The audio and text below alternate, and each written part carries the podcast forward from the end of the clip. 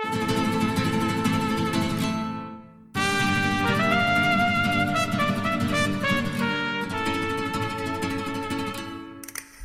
Metodistas, og velkommen indenfor i vores virtuelle studie her på metodist.dk podcast. Mit navn det er Daniel Andersen. Der er fredag. Det er en lidt, lidt senere på fredag, end det plejer. Det kommer det også til at være for jer, når I lytter til den her podcast. Vi skulle igen lige have enderne til at mødes, og de ender, der mødes stadig, det er min og Malte Geil Bosens. Øh, velkommen til Malte. Tusind tak. Og Malte, det vi skal igennem i dag, det er selvfølgelig den her kort, den her kamp mod øh, Valladolid, som øh, jeg ved, du så rigtig, rigtig tæt på, i hvert fald tættere på end det, jeg gjorde. Jeg så den i flemmerkassen, du så den på Santiago Bernabeu med lidt bedre udsigten, end jeg havde. Så går vi lidt mere i dybden med, med kampen øh, mellem Barcelona og Real Madrid, den her El Clasico i Copa del Rey, hvor Real Madrid, nogen vil jo sige, de lavede et comeback igen, fordi man var nede efter det første, det første opgør, så blæser, ja, det kan vi så diskutere, om de gjorde eller ej, men i hvert fald vinder 4-0. Øh, og Barcelona, der ser relativt sikkert ud øh, på papir. Den skal vi snakke rigtig meget om. Det, det glæder jeg mig personligt super meget til, men kan du ikke lige sådan til at starte med, fordi hvis jeg ikke tager helt fejl, Malte, i forhold til der Real Madrid, øh, Valladolid, var det dit første sådan møde med Santiago Bernabeu i al almindelighed? Ja, det var det. Det var første gang, jeg var... Ja, du, du undrer dig.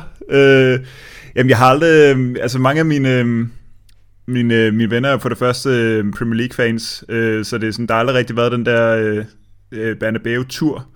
Og så, så skyldes det også, at jeg, jeg simpelthen lider så meget flyskræk, at jeg aldrig rigtig taget mig sammen til at, at, at tage den der lange flyvetur øh, ned til Madrid. Men det har jo stået, selvfølgelig stået rigtig højt på min bucket list. Øh, og nu tænker jeg, at øh, jeg overvejede faktisk at gøre det her i, øh, i efteråret. Men så... Øh, men så kom der jo en Leipzig-kamp, som vi tog ned og så i stedet for. Ja. Og øh, faktisk lige omkring det tidspunkt, jeg havde tænkt mig at tage ned. I, der, der havde tænkt mig at se den Sevilla-kamp, som, som Oscar så var nede at se. Øh, så, så i stedet for, så skulle jeg det her til, til foråret. Øh, tog ned sammen med min kæreste, og vi fik jo øh, fremragende pladser. Altså øh, helt nede på række 7. så vi sad meget, meget godt helt i, i højre side af banen, øh, fra hvor man ser det på tv-skærmen, kan jeg forestille mig også. Øh, altså i den side, hvor der kom fire mål i, i første halvleg. Ja, og, og kan du ikke lige sådan ikke tage os igennem de her mål, men, men jeg kunne egentlig godt tænke mig at høre, fordi den der, du ved, den der følelse, der måske strømmer igennem en som rigtig, rigtig stor Real Madrid-fan, når man træder ind på det her, og det må vi jo indrømme, kæmpemæssigt stadion øh, første gang. Ja, jeg, jeg synes jo selvfølgelig, det var fuldstændig overvældende. Altså, det, det er utrolig svært at sådan, øh, holde styr på sig selv første gang, man kommer derind, fordi det er... altså, jeg, jeg var der med min kæreste, og det var sådan... Øh, jeg, så, jeg sagde til hende, at hun skulle ligesom gå til billeder og film og sådan noget, fordi jeg skulle bare, jeg skulle bare suge det hele til mig. Jeg tog heller ikke så mange øh, film og videoer, der var nede på, øh, på, øh, på Leipzig stadion, fordi jeg, jeg, gerne ville, øh, jeg vil gerne have, have minderne sådan i, i rendringen øh, først og fremmest, og så lige et par billeder her og der. Så jeg gik egentlig bare, øh, vi, vi lavede vores ting, vi sad jo øh, på række 7, hvilket vil sige, at vi sad ekstremt tæt på banen, øh, og, og altså man kan virkelig, man kan, man kan jo se øh, øh spillernes ansigtsudtryk nærmest, når de løber rundt, ikke? Øh, Abelora kommer gående forbi, og jeg var så tæt på, hvis jeg havde en lille, mul, en lille smule mere spidse albuer, så var jeg kommet ned og, og fået taget billeder, men jeg nåede det akkurat ikke på grund af en, eller anden, øh, en større familie lige skulle ned og have et, et fælles billede, så der var fuld, fuld skulderskub hele vejen rundt. øh, men han stod lige ned foran mig, og øh, Ja, men han er, han er virkelig en smuk mand. Og hold da op, hvor er han smuk. Altså, det er, det er helt vildt at se. Altså, jeg kunne, jeg kunne næsten ikke tro det, så han kom til fordi, også fordi jeg kunne ikke forstå, at han så så ung ud, øh, sådan i forhold til, hvor lang tid siden det egentlig er, han stoppede, og der var han jo gammel i fodboldmæssig forstand, ikke? men han kommer gående lige forbi, og går så ind på banen med, med alle de unge der. Men øh, det ved jeg faktisk ikke, det så man vel på stadion, ja, at, ja, ja, at, ja. At, som, som jo vandt ungdoms uh, Copa del Rey der, ikke? Ja. Øhm, men ja, altså sådan indtrykkene fra, fra kampen, det er jo, altså det er jo, det er, jo, det er jo meget tydeligt. Altså, jeg synes, man kan se... Der er jo nogle ting, man ser bedre på, på, på en stor skærm. Altså, jeg har, jeg har meget bedre sådan analytisk blik på sådan nogle kampe her, når jeg ser det på en skærm. Det har jeg jo faktisk ikke rigtigt for den her kamp, fordi det er svært at sådan lige vurdere, når de, når de ikke er lige nede foran en, hvor, hvor langt spilleren er for hinanden, og, og, og altså, jeg, jeg kan også se øh, det første mål, som Rodrigo scorer, den måde, Asensio driver bolden.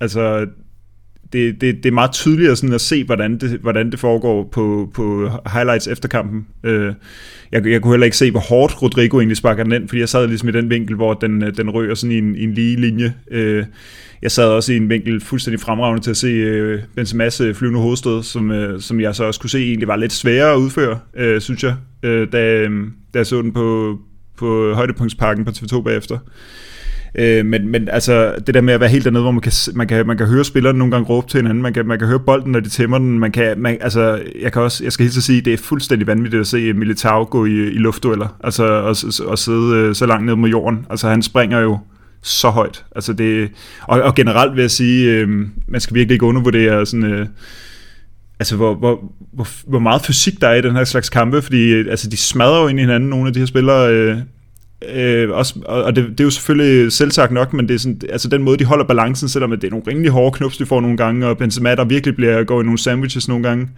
øh, men bare bliver stående og, altså, og skubber skubbe spillerne fra sig. Øh, og han så jo øh, jeg sad, jeg kan huske, jeg sad og tænkte sådan, altså det er mærkeligt, Benzema ser så fedt ud.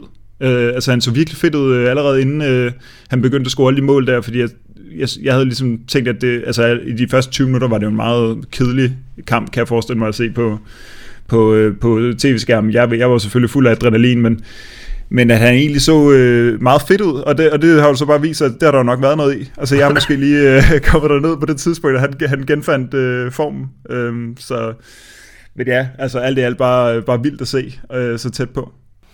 Ja, fordi det er jo også noget, altså der, det er jo også noget helt andet. Der var også relativt mange øh, mange mennesker. Jeg kan se, der har været omkring 60.000 ikke? også på Banabeo, så du har også fået hele det her øh, sus med øh, ved jublen selvfølgelig, men også den her sidron og summen, summen der jo ja. sjovt nok er på Santiago Banabeo med så, så, så mange mennesker. Jeg, jeg kunne godt egentlig godt tænke mig at vide, inden vi måske lige altså, snakker bare lidt om kampen. Altså, det her med, det er under renovering ved Santiago Bernabeu, er det noget, man sådan, er det i øjnefaldende dernede? Er det noget, man sådan også lægger mærke til, når man er der?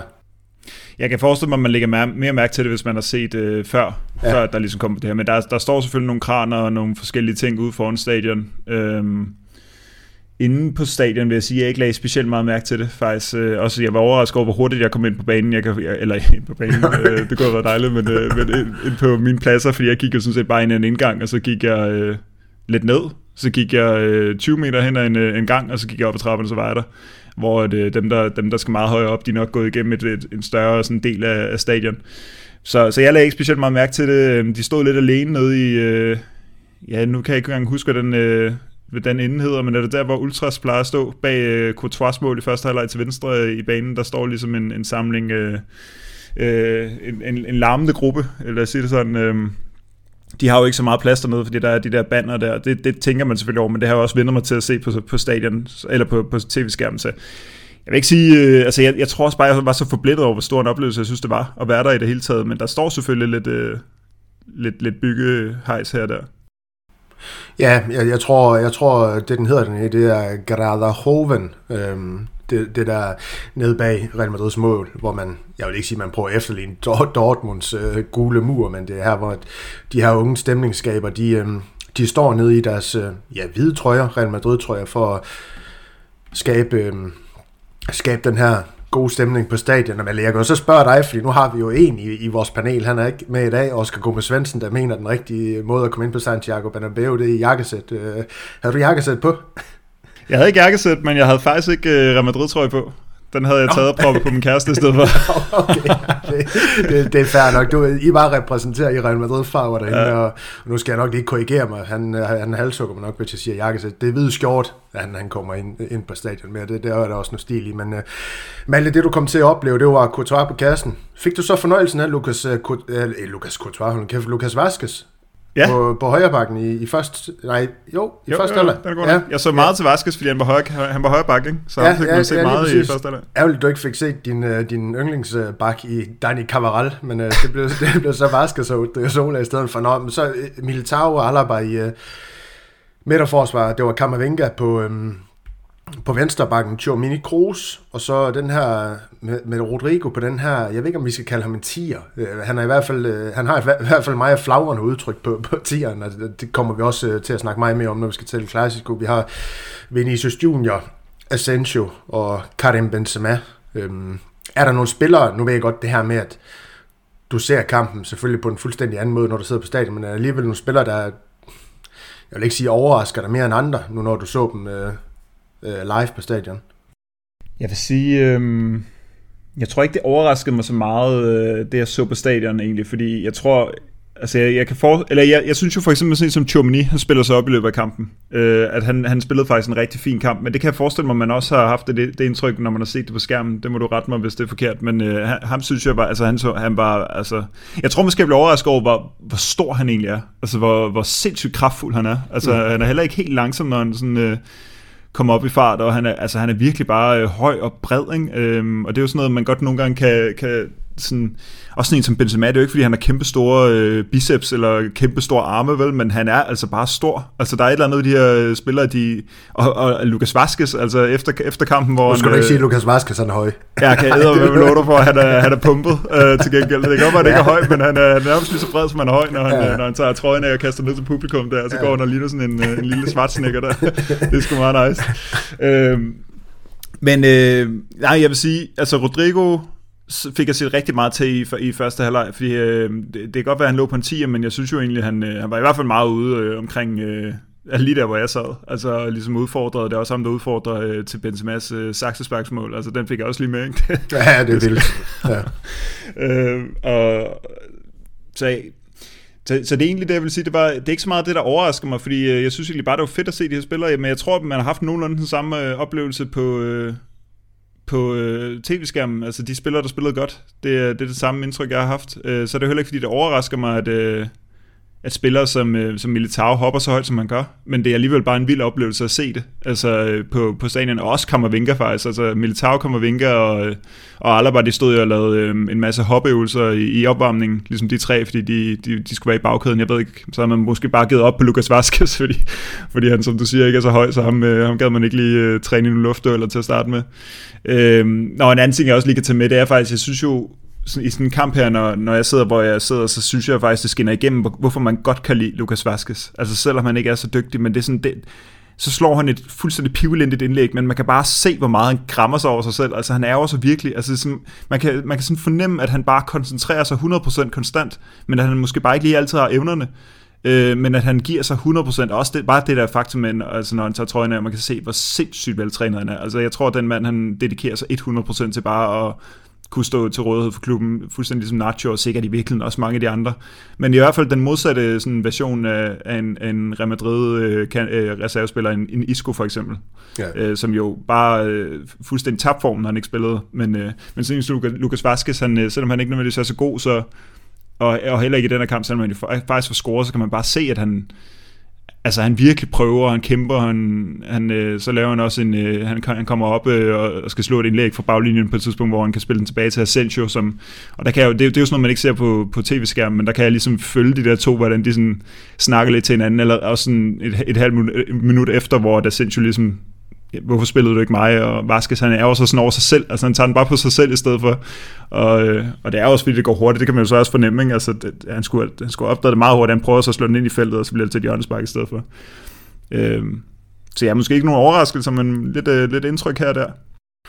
Ja, lige præcis. Og bare lige for at få noget statistik på, at Chomini, han spiller jo også en statistisk fin kamp. Altså det her med fire taklinger, og han har blandt andet også tre clearinger.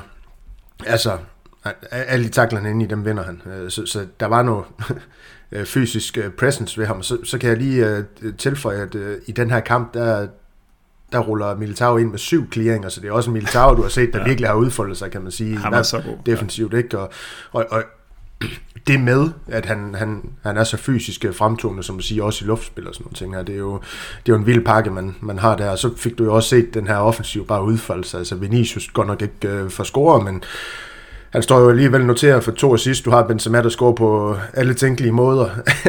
Øhm, og så også en Asensio, der får, får præ, prikket et mål ind. Ikke? Øhm, Rodrigo, der, der, der har to assist. Altså, det var, det var et Real Madrid-hold, der sprudlede selvfølgelig også. Så vil folk sige, på en billig baggrund, fire Real Madrid, det er jo det hold, det er, men alligevel øh, seks mål, det, det er jo ikke alle, der scorer det mod, hvad det lidt trods alt. Nej, og Real Madrid mangler jo også. Altså, der har der været mange af de her slags kampe, hvor vi kunne have sagt det samme. Men, ja. Øh, men så dummer Real Madrid, så de første 20 minutter lignede heller ikke nødvendigvis, at det ville blive en stor sejr. Nej, lige præcis. Lige præcis. Men øh, ja, der, man fik jo tanken og selvtillid frem mod Clasico. Altså, jeg, jeg, jeg har ikke øh, rigtig mere, jeg sådan gider at snakke om med den her kamp, Malte, medmindre du har noget, øh, nogle noter eller et eller andet, du, du vil have fyret af, eller noget omkring din oplevelse på stadion, eller et eller andet. Nej, men det, det er selvfølgelig bare det der er lidt sjovt med, at, øh, at så, så har vi tabt ligaen, og det første vi så gør, det er, at vi går ud og smadrer Vejdu lidt 6-0, og så sætter vi, øh, så lige pludselig så må drive Sola, Hazard og Vallejo, de må gerne få spilletid. Ja. Øh, og så ærede jeg mig selvfølgelig over, at jeg ikke fik set uh, hverken Modric eller, eller Valverde på banen, men jeg har jo heldigvis set Modric score uh, en gang i parken imod FCK, så ja, alt i alt uh, fint, og lad os bare komme videre til, til det rigtig vigtige. Ja, jamen det er egentlig, man, man kan jo godt lige snakke lidt om, selvfølgelig skal de her spillere holdes hvile, men det er jo lidt sjovt, at, at en sådan trods alt kun får 21 minutter i sådan en kamp her, kan man sige, hvor altså når kampen den er afgjort første halvdel, kunne man så ikke bare hæve, hvad ved jeg, Tony Kroos ud, eller et eller andet sådan, men det skal vi ikke dvæle alt for mig, det blev den her 6-0 sejr, og, og det her gode udgangspunkt frem mod den kamp, vi skal snakke om nu, El Clasico, hvor at, øhm, Ja, der selvfølgelig også var en, en masse genvalg, det giver jo næsten sig selv, men altså, det var Courtois på kassen, det var Kammervenga igen på venstrebanken, og jeg, bak, banken, sagde det? Venstre bakken. øhm, Alaba Militao i det centrale forsvar, så Cavaral på højre bakken. Det var Kroos på det, vi vil godt kan kalde en, kalde en seksermalte, og så Valverde Modric foran ham. Og så øhm, Vinicius Rodrigo og Benzema. Øhm, der er selvfølgelig rigtig mange interessante ting øh, at snakke om, og vi kan også godt øh, snakke meget mere om de øh, ja, mål, der, der bliver scoret for Real Madrids vedkommende, det er ja, tre gange Benzema, og så kan vi altid diskutere, om det var fire gange Benzema, om det, eller om den ene er hende over stregen med Vinicius der, men det er en, et eller andet sted øh, øh, formaliteter på en eller anden måde. Øh. Og så synes jeg, det kunne være interessant at så dykke ned i... Øh, du har garanteret også nogle ting, men jeg har i hvert fald noteret mig, øh, at spillermæssigt, vi kan altid runde alle spillerne, hvis det var det, men altså i særlighed Rodrigos rolle i den kamp her, hvor vigtig den i virkeligheden er for at åbne op for de ting, Vinicius ja. og Benzema laver. Ja. Øh, men også... Øh, altså, jeg forstår ikke Kammervinka, ham har jeg bare lyst til at snakke om. altså, jeg har ikke lyst til at snakke om, hvad han kan blive til, jeg har lyst til at snakke om, hvad han er nu. Øh, ja, fordi for det, det, det har jeg svært ved at forstå, så det har jeg brug for, at vi snakker om, kan jeg mærke. Ja. Øhm, indledningsvis, så kunne jeg måske godt, altså det her med at gå igennem startup så er der lige en, en spiller, der sådan, jamen han er jo glædet ud igen, Rydiger. Antonio Rüdiger for Alaba. Alaba han er ligesom bare kommet ind efter den her landskampspause, hvor han spiller for, for Østrig. Øh, så er han kommet ind i startopstillingen igen. Øh, er det helt naturligt for dig, det er bare gået sådan? Eller, fordi Rüdiger, han har jo ikke spillet kampe, hvor man kan sige, at han har spillet sig af. Så, så for mig, der, der er det sådan lidt, ikke forbavsende, men lidt, øh, altså, noget man måske lige har overset i alt det her med, at øh, Alaba han også spiller kamp mod og så starter han lige en klassiko her. Altså, jeg, jeg, har, jeg har det jo sådan med Rüdiger, at øhm, ja, han har ikke spillet sig af, han har heller aldrig nogensinde faktisk spillet sig på. Altså, øhm, der, var, der var nogen, der... Øhm, øh, hvad pokker var det? Vi, vi sad i en podcast for ikke så lang tid siden og snakkede, var det, var det en kommentator, der snakkede om, hvordan Alaba han ligesom havde tabt momentum og var råd ja, ud, og hvor ja. vi sad og snakkede om, jamen han har jo ikke tabt momentum, manden blev bare skadet hele tiden. Ja. Altså lige så snart, at han er klar, så rører han ind på en venstrebakke mod Liverpool, fordi man bare død og pine ved ham ind, og så rører han ud en måned igen. Og det er jo derfor, Rüdiger har spillet så meget. Øhm, jeg vil sige, jeg synes jo, øh, det her det skal ikke være nogen øh, mere øh, sådan, øh, tung kritik af Ancelotti, men man kan godt sige, at Ancelotti er god til at tage de, de nemme valg. Altså fordi Rüdiger, han, er, han har jo været skadet øh, op imod øh, Valladolid-kampen, så han, er sådan, han har rygdækning i forhold til også bare at lade være med at bruge med den her kamp imod Barcelona, synes jeg faktisk. Lidt ligesom, at så, så, så slipper man for at tage et valg på midtbanen ved bare at skubbe øh, Kammervenka ned på, på vensterbakken, når nu man alligevel ikke... Øh, øh, kan bruge Mandi, ikke? Så, så, så, så slipper man ligesom for at bænke øh, hverken Kroos, Modric eller Valverde, eller Kammervenka, fordi man bare rykker lidt rundt. Øh, og på den måde, så, så, bliver der, så bliver det sådan lidt nemme valg, hvor man ikke øh, rigtig sådan straffer nogen øh, taget på den måde, og ligesom i mod lidt, jamen så kan du bare bænke øh, Cavajal og, og Valverde og Modric, fordi de alligevel lige spillet øh, landskamp alle sammen, så det er jo, så det er jo nemt nok at rotere på den måde. Så, så ja, jeg synes egentlig, det er forholdsvis øh, lige til, altså fordi jeg synes stadig, vi mangler at se, at øh, er det en kæmpe stor kamp. Alle er fuldstændig lige klar og lige fedt, øh, og der, der, der er ikke nogen øh, syrede dilemmaer med nogle bakker, der skal rykkes, rykkes rundt og, og så videre, så, øh, så tror jeg egentlig stadig, at, øh, at jeg ikke, altså jeg tror stadig, at Alaba og Militao, de er de foretrukne. Ja, jamen det tror jeg, du har fuldstændig ret i, at det bliver også dem, der skal bære Real Madrid til den 15. Champions League titel, hvis at, øh, vi, vi skal skabe det her miracle run igen, som det jo bliver lidt med, med Liverpool først, Chelsea øh, næste, og så eventuelt Bayern og Manchester City i en øh, semifinal. Malte, du havde en, øh, en finger der. Ja, jeg vil egentlig bare lige tilføje, jeg, men jeg synes jo sådan set, at Rüdiger har spillet en bedre sæson end Alaba. Altså, jeg vil ikke enige om det egentlig, fordi jeg synes jo faktisk, at Alaba, han... Øh... Og han, han starter måske godt sammen med resten af holdet Alaba i virkeligheden. Ja, præcis. Øh, sådan som jeg husker det. Øh, ja, frisbaksmål i den første kamp ja, og så videre. Ja, lige ja. præcis, men, men han falder jo. Øh, ja Ligesom der er ret mange andre, der falder, men, men ja, han, han har haft lidt sværere ved at få sig selv op på niveau igen, ligesom en vis Karim Benzema, som også er begyndt at finde det igen, men det, om jeg så må sige. Det er selvfølgelig for sent i, i La Liga-forstand, men i forhold til Copa del Rey og i forhold til Champions League, der er, det jo, der er det jo heldigvis ikke for sent. Så det er jo super vigtigt, at de her spillere de kommer op i, i de omdrejninger igen. Ja, helt bestemt, og så har han jo haft lidt for mange kampe på venstrebakken også selvfølgelig, ja, Alaba, ja, hvilket ja. heller ikke uh, gør, at, at, sådan, at det ordnede indtryk er så godt.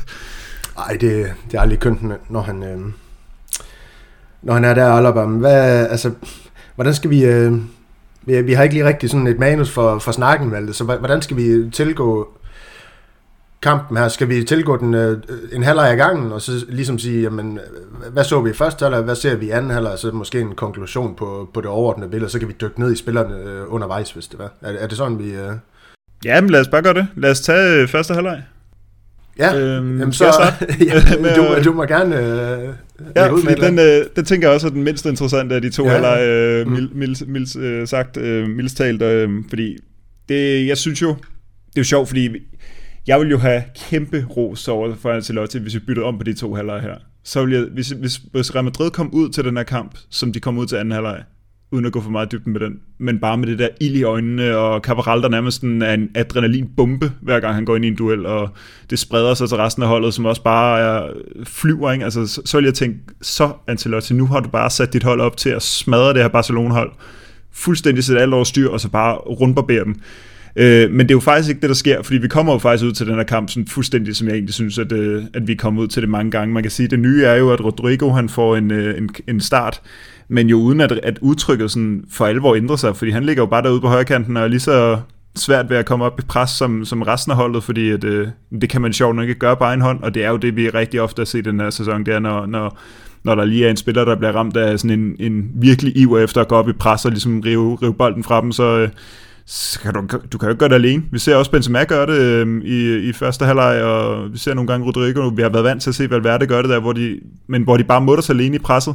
Så egentlig synes jeg jo, at, at første halvleg, den, øh, det, er, det er ikke specielt godt. Altså det Barcelona får det første store chance efter øh, 1 minut og 40 sekunder, hvor Kammervinga, som vi nok skal komme tilbage til, men han kommer i vejen, og så, øh, så har de lige en chance efter 10 minutter igen, og, og Real Madrid, de har, øh, ja, hvad har vi? Vi har et, øh, vi har et indlæg på et tidspunkt, Vinicius, der vist prøver at skrue den ind med ydersiden, så har vi, vi har lige en gode chance med Rodrigo, der bliver sendt i dybden af, af Valverde, og så får han slået ind øh, mod bagstolpen, hvor Vinicius så lige akkurat ikke kommer ind til den, ikke? Øh, og det tror jeg også, øh, jeg noterede mig inde på, øh, på Sofascore, at vi, vi, øh, vi skaber øh, fem store chancer i den her kamp, men fire af dem bliver skabt i, i anden halvleg. Jeg tror, den ene store chance bliver skabt i første, det må så være den. Øhm, og ellers så synes jeg jo egentlig bare, at Real Madrid stiller sig lidt tilbage, om øh, Jonas Hebos ord. Øh, en ting er at stille sig tilbage, en anden ting er at stille sig tilbage, og så overhovedet ikke pres. altså det sagde han jo i en, i en, øh, en tidligere, ja var det ikke også en klassisk udvikling, det tror jeg faktisk det var. Øh, og det synes jeg var det samme, vi så her. Komplet kopi af så meget andet, vi har set. Og i øvrigt i forhold til Ancelotti efter den første kamp, hvor vi tabte 1-0 på Banabeo, så sagde han, at øh, vi skal bare gøre det helt samme. Og med det mener han jo, sætte sig fuldstændig på spillet og bare køre bolden rundt, og, øh, eller Barcelona rører overhovedet ikke bolden.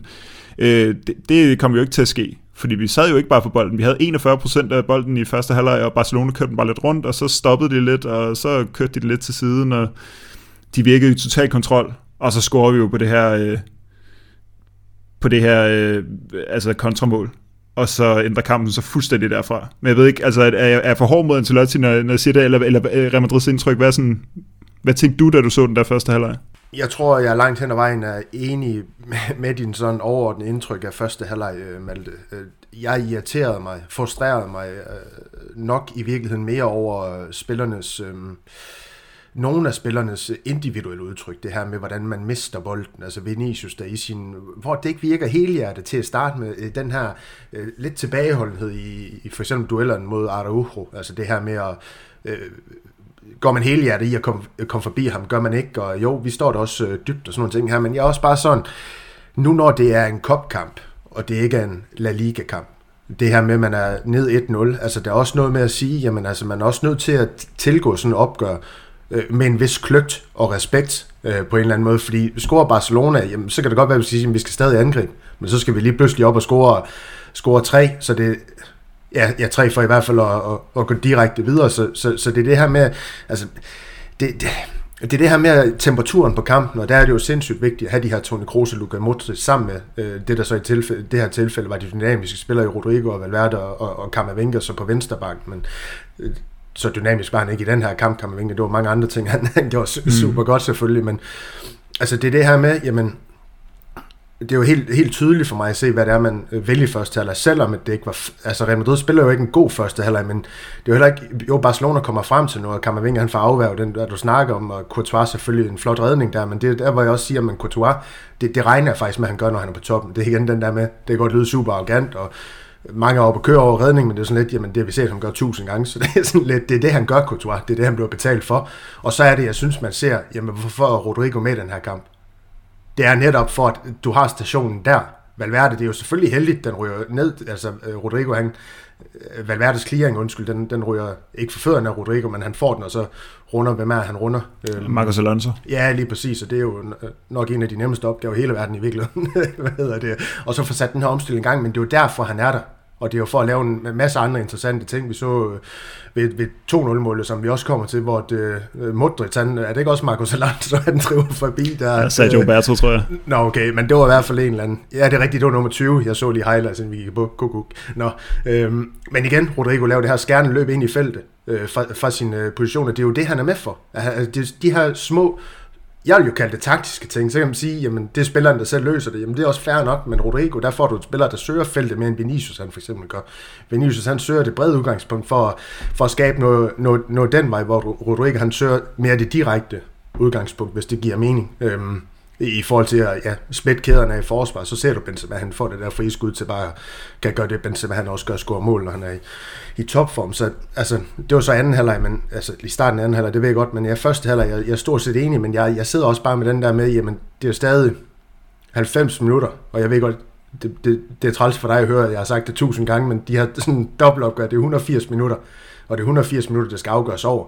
Så det der med, at man, altså, kampen den er ikke, øh, det, for mig, i mit hoved, der er det en lidt anden dynamik, der, der, der foregår, end bare det der med at sige, jamen, altså, det var fuldstændig forfærdeligt første halvleg, så kan jeg bedre lide det der, og, og hvad skal vi sige, konkludere en hel masse efter kampen, hvor man, man, man tager det hele i et samsurium. Øhm, så kan det godt være, at det var en lige kamp, men Real Madrid, de er jo meget mere, i hvert fald kyniske og, og forølagt, og så, så synes jeg også, det kan vi så snakke om, at det, det, kan du måske kommentere på, altså igen, indstillingen fra de to hold, mentaliteten på de to hold, det der med Xavi, han er ude efter kampen og sige, at ved 2-0-mål, der er vi, der er vi færdige. Altså der død og begrav, der mentalt var jeg sådan lidt, hvad?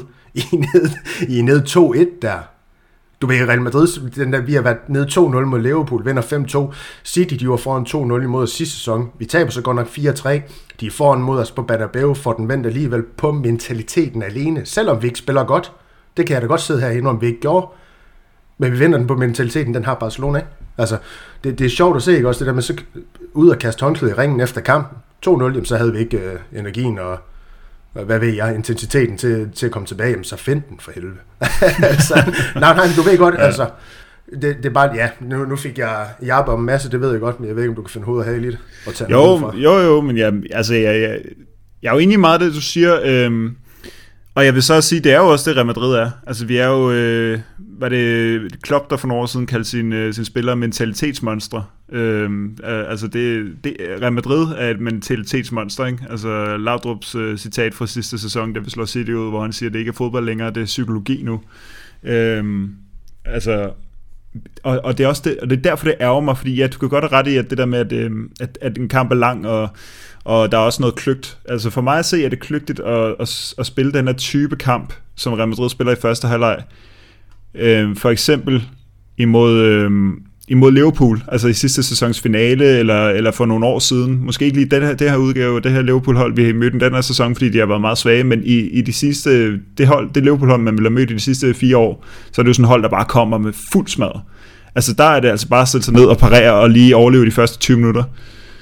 Men jeg synes jo med, med, med det her Barcelona-hold, der, altså der, der synes jeg jo anden halvleg det vidner om, at man behøver ikke have den der respekt. Altså fordi jeg synes jo, øhm, det kan lyde arrogant, men jeg synes jo selvom, at, øhm, altså at, at anden halvleg det virkelig viser et mere reelt styrkeforhold. Altså der får vi udstillet Kessier, altså så, så god er han ikke. Altså Sergio Roberto, han, de kan ikke nå sokkerholderne på den midtbane med, med de folk på, rendende, altså, og Marcos Alonso bliver nødt til at blive skiftet ud, altså han skifter netop de tre spillere ud, øh, så vidt jeg nu husker det i hvert fald, fordi de bare, altså de kan jo ikke følge med, og vi river den der, øh, det der Barcelona-hold fuldstændig midt over i anden halvleg, og, og så kan det godt være, altså, at Xavi han, han giver op, og sådan at hans, øh, hans udtalelse er sådan lidt øh, opgivende efterfølgende, ikke? men altså, de havde jo heller ikke et, øh, de kunne ikke få et ben til jorden, og, og jeg synes, det, det er jo præcis sådan, det skulle være. Altså, det er sådan, det skulle have været de sidste mange klassikere, så det kan godt være, at det er kløgtigt nok at, at stille sig tilbage og, og, og lige afvente, men jeg synes jo i virkeligheden bare, at man spilder 45 minutter.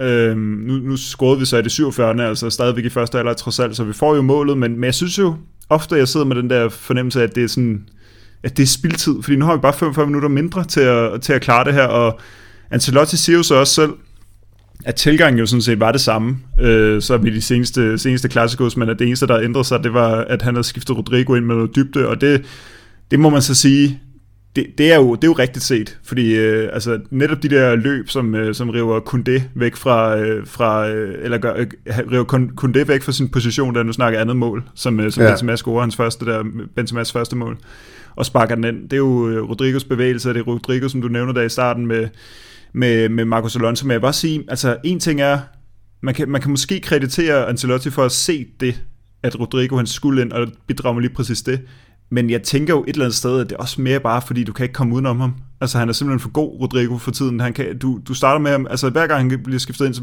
så gør han det godt for tiden. Så starter han mod Valladolid og scorer og assisterer to gange, ikke? Øh, ja. og scorer ovenikøbet en gang mere, det bliver så annulleret.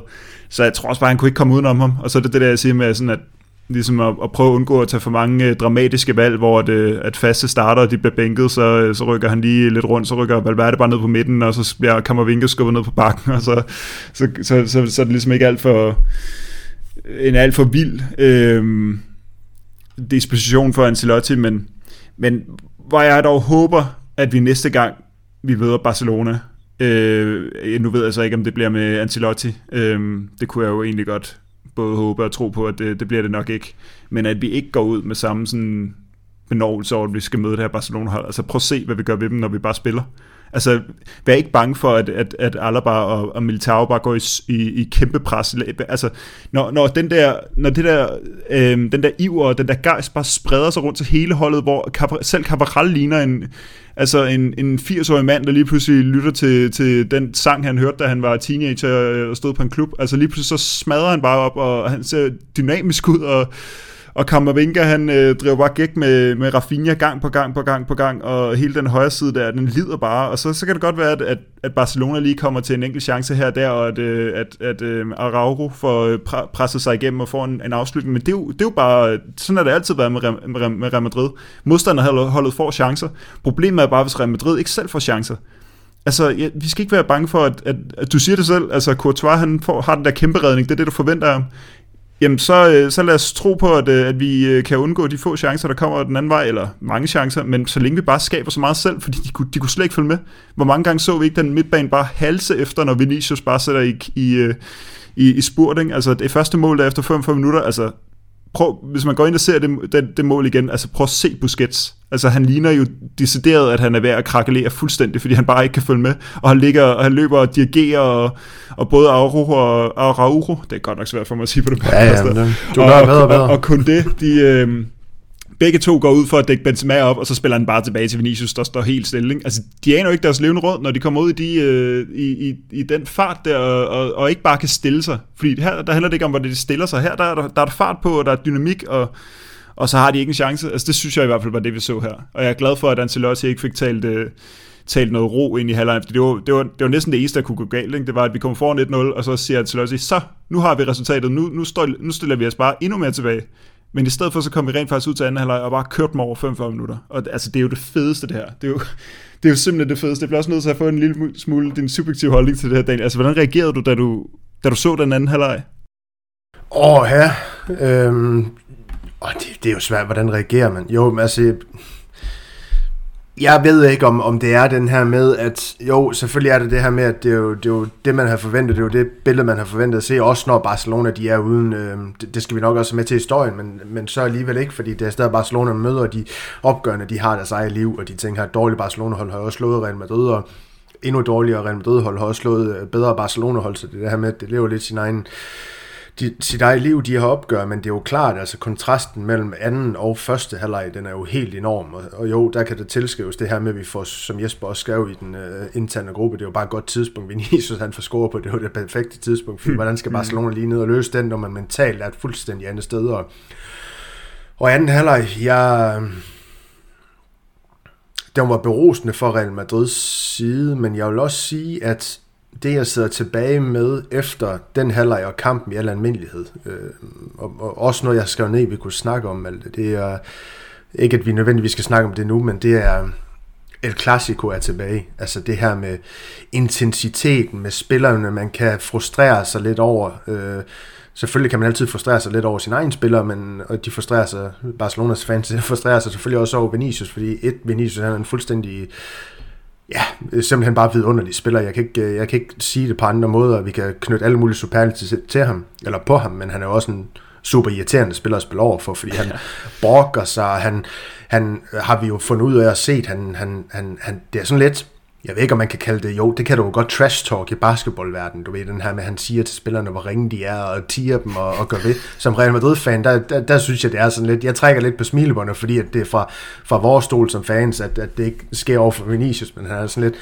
nogle gange kan man sige, at det bliver også lidt for mig, men det er egentlig bare for at sige, at så er der nogle Barcelona-spillere, man havde, og, og det her med, at Araujo var jeg, kunne jeg godt lide inden kamp, det kan jeg ikke længere, jeg synes det er fuldstændig forfærdeligt. Altså, fordi mm. ja, du ser to sider af Araujo i den her kamp, Barcelona, der de er ovenpå i første halvleg øh, inden mål, og så i anden halvleg, hvor de er fuldstændig nede i sækken, der han ikke overskud til, og, og verden her, der kan ligesom give high five til Vinicius, og noget, der blev det skubben i ryggen, der blev det ja, unødvendige hårde taklinger i virkeligheden også for ham, og ja, fuldstændig ud af balance i virkeligheden, men det er jo det Vinicius, og det er jo det, der er sjovt med det her, når vi øh, nu taler ind i noget fuldstændig andet, men det er det, der er sjovt med Vinicius, fordi det har han brug for også at kunne, for at kunne excellere over for den her slags spiller, som Araujo er, for ham ud af fatning.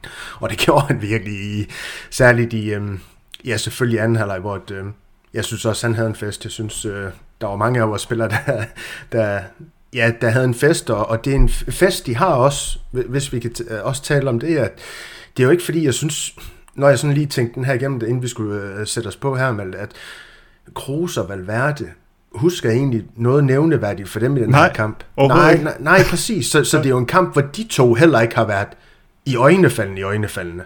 Så der er endda nogen, der mener, onde tunger vil jo sige på vores forum, at, at Kroos spiller en dårlig kamp.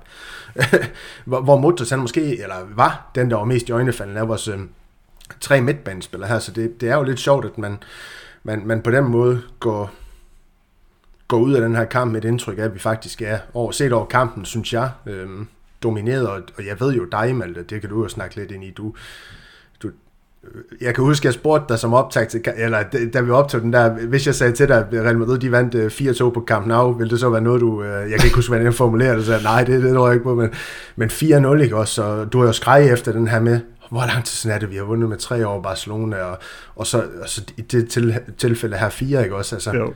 det må jo også betyde noget, Ja, for dig, og altså, ja, føl, følte du Real Madrid, de dominerede sådan over kampen, når man sådan altså skal se over hele kampen. Følte du, det var en dominerende indsats? Jeg ved godt, der er første halvleg, som trækker ned for, for dig og, og sådan nogle ting her, men en 4-0, det, er jo, det kan jo ikke være anden overbevisning i min verden, selvom man prøver, man prøver at sige, jamen det var en tæt kamp, eller nogen siger, det var sådan lidt, jamen 4-0, det kan jo aldrig nogensinde være tæt.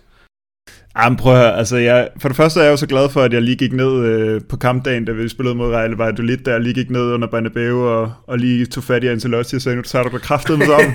ja, ja, med kæmpe Olfert, og så, øh, så vi vundet 6-0 og 4-0 siden, ikke? Øhm, jeg vil sige, den ren analytiske, som måske i virkeligheden er den, jeg skal pakke lidt væk på det, lige præcis på den her podcast, det, der, der kan man jo godt sådan snakke om det der med, okay, vi havde en halvleg hver, Barcelona var ikke i nærheden af at være i problemer, før de så kom det i slutningen af første halvleg, og så i anden halvleg så er Real Madrid langt bedre end Barcelona, og også langt bedre end, Real, end Barcelona var bedre end Real Madrid i første halvleg. Så set over en hel kamp, Real Madrid var bedst. Jeg vil slet ikke sige, at vi dominerede.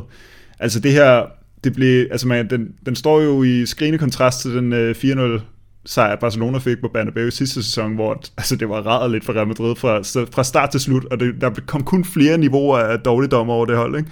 Og ja. det, det er jo ikke helt det samme, der skete for Barcelona her, men sådan, fan-versionen af mig er jo flyvende over det her. Jeg synes, det er så sindssygt skønt, altså at vi slår dem 4-0, og så på Camp Nou. Altså det, det er så fedt, fordi det, øh, jeg var jo inde og kigge faktisk, øh, nu kommer der lige et, et, et, et lille historisk segment her, som, fordi jeg, jeg simpelthen ja. er nødt til at finde ud af med, med de her store klassiko-sejre, som jeg jo simpelthen ikke rigtig kunne huske, fordi jeg kan godt huske, så var der en 4-1-sejr i 2008, og så var der, var der ikke også en 3-0-sejr et eller andet tidspunkt i nullerne.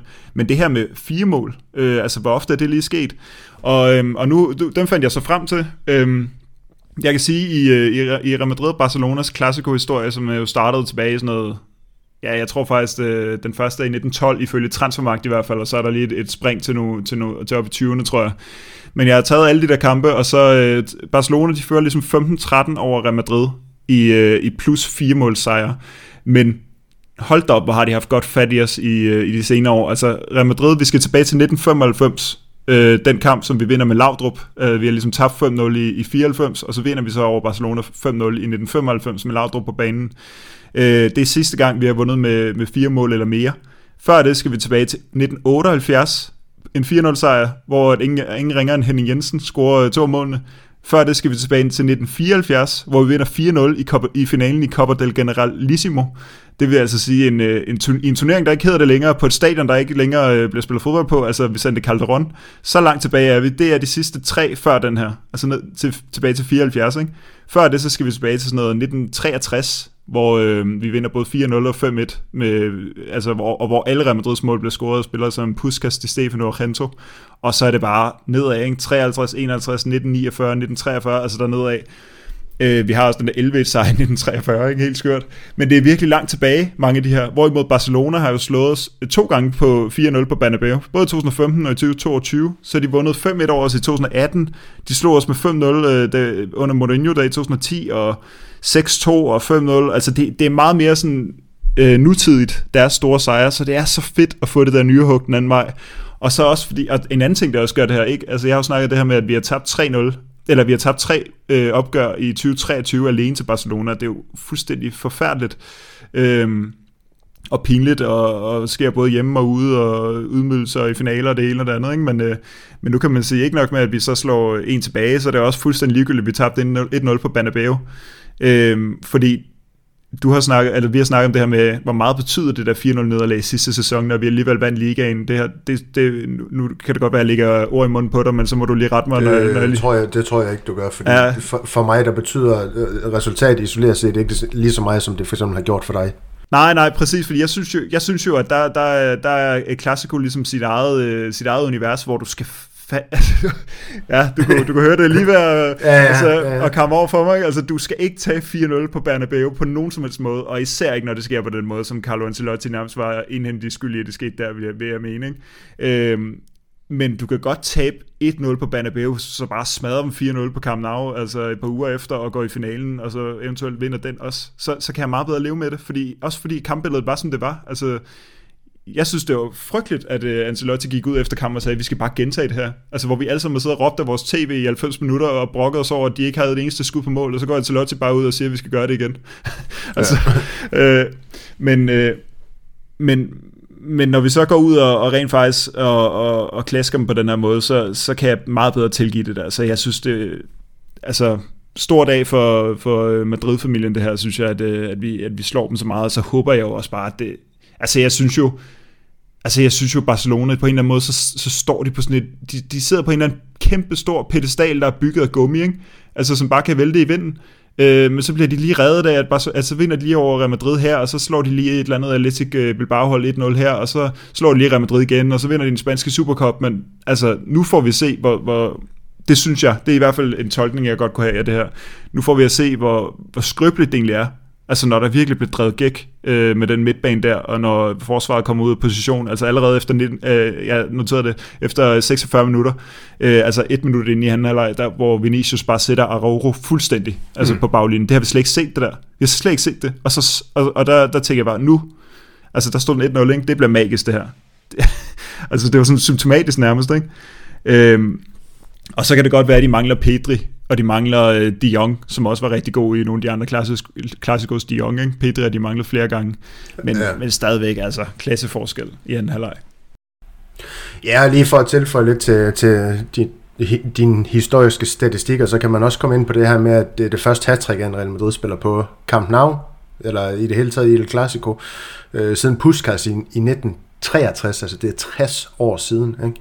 Mm. Øh, der, der skrev Benzema sig lige ind i en, øh, en lille historiebog for, ja, for Real Madrids vedkommende, og det, det taler måske også ind i det her, Malte, med, at det er jo det er ikke hverdagskost, øh, i hvert fald øh, for os som Real Madrid-fans, øh, de sejrer her. Jeg, jeg håber det også på en eller anden måde, jeg ved godt, vi som Real Madrid-fans har snakket om, at øh, vi står et bedre sted end Barcelona. Vi har en spiller for spiller bedre trup end Barcelona. De har alle de ting her, men, men vi har bare ikke kunne se det i den her sæson på banen. Jeg håber lidt sådan et resultat som det her overbevisende 4-0, øh, som, som 4-0 det er at de også kan rykke lidt ved Real Madrids, jeg ved ikke om man kan sige selvforståelse over for Barcelona, jo, det kan man måske i virkeligheden godt, for jeg, jeg tror også, jeg i første halvdel sidder og tænker, hvorfor, hvorfor har vi så meget øh, respekt for det her hold? Altså jeg kan ja. ikke forstå, hvordan de kan presse så meget, det giver ingen mening. Nu, Nej. altså Sergio Roberto og Frank Gichet, de skal ikke se gode ud mod Real Madrid. Nej, præcis. Altså, det, det, det, det er den, man måske kan sidde med i løbet af kampen. Øhm, særligt det første halvleg her.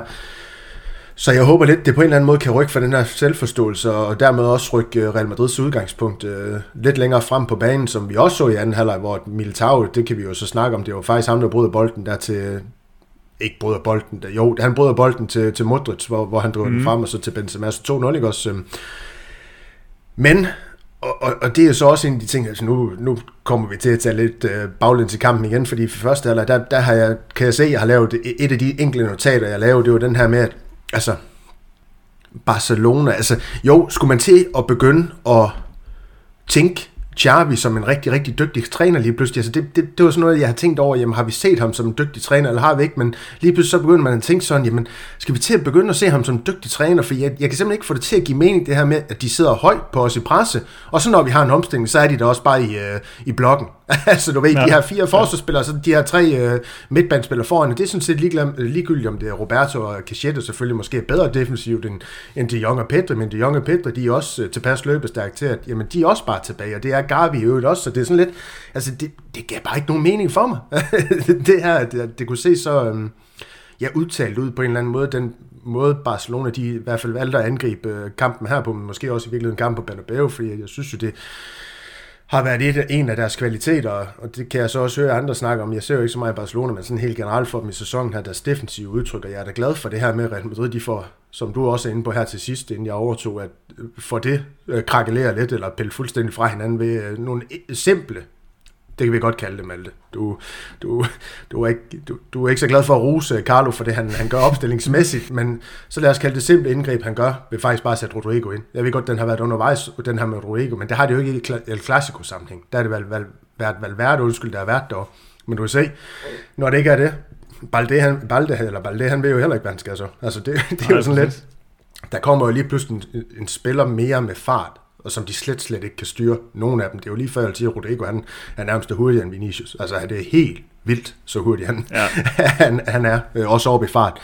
Og, øhm, ja, øh, jeg, jeg, jeg, synes jo, jeg, jeg synes jo, det alene, det, Ja, jeg ved godt, du kan sige, at det, det var det, der, det man skulle gøre, fordi han har været så formstærk, det er det jo måske virkelig også, det her med, at man honorerer ham, men Ja, men man kunne jo også have valgt at smide Tchouameni ind for eksempel i stedet for Valverde, og så have haft den her gamle midtbane med, med Kroos og Modric og så Tchouameni, ikke? Eller ikke gamle midtbane i Tchouameni, men i stedet for dynamikken fra Valverde, den får du ja, så trods alt, så du får noget.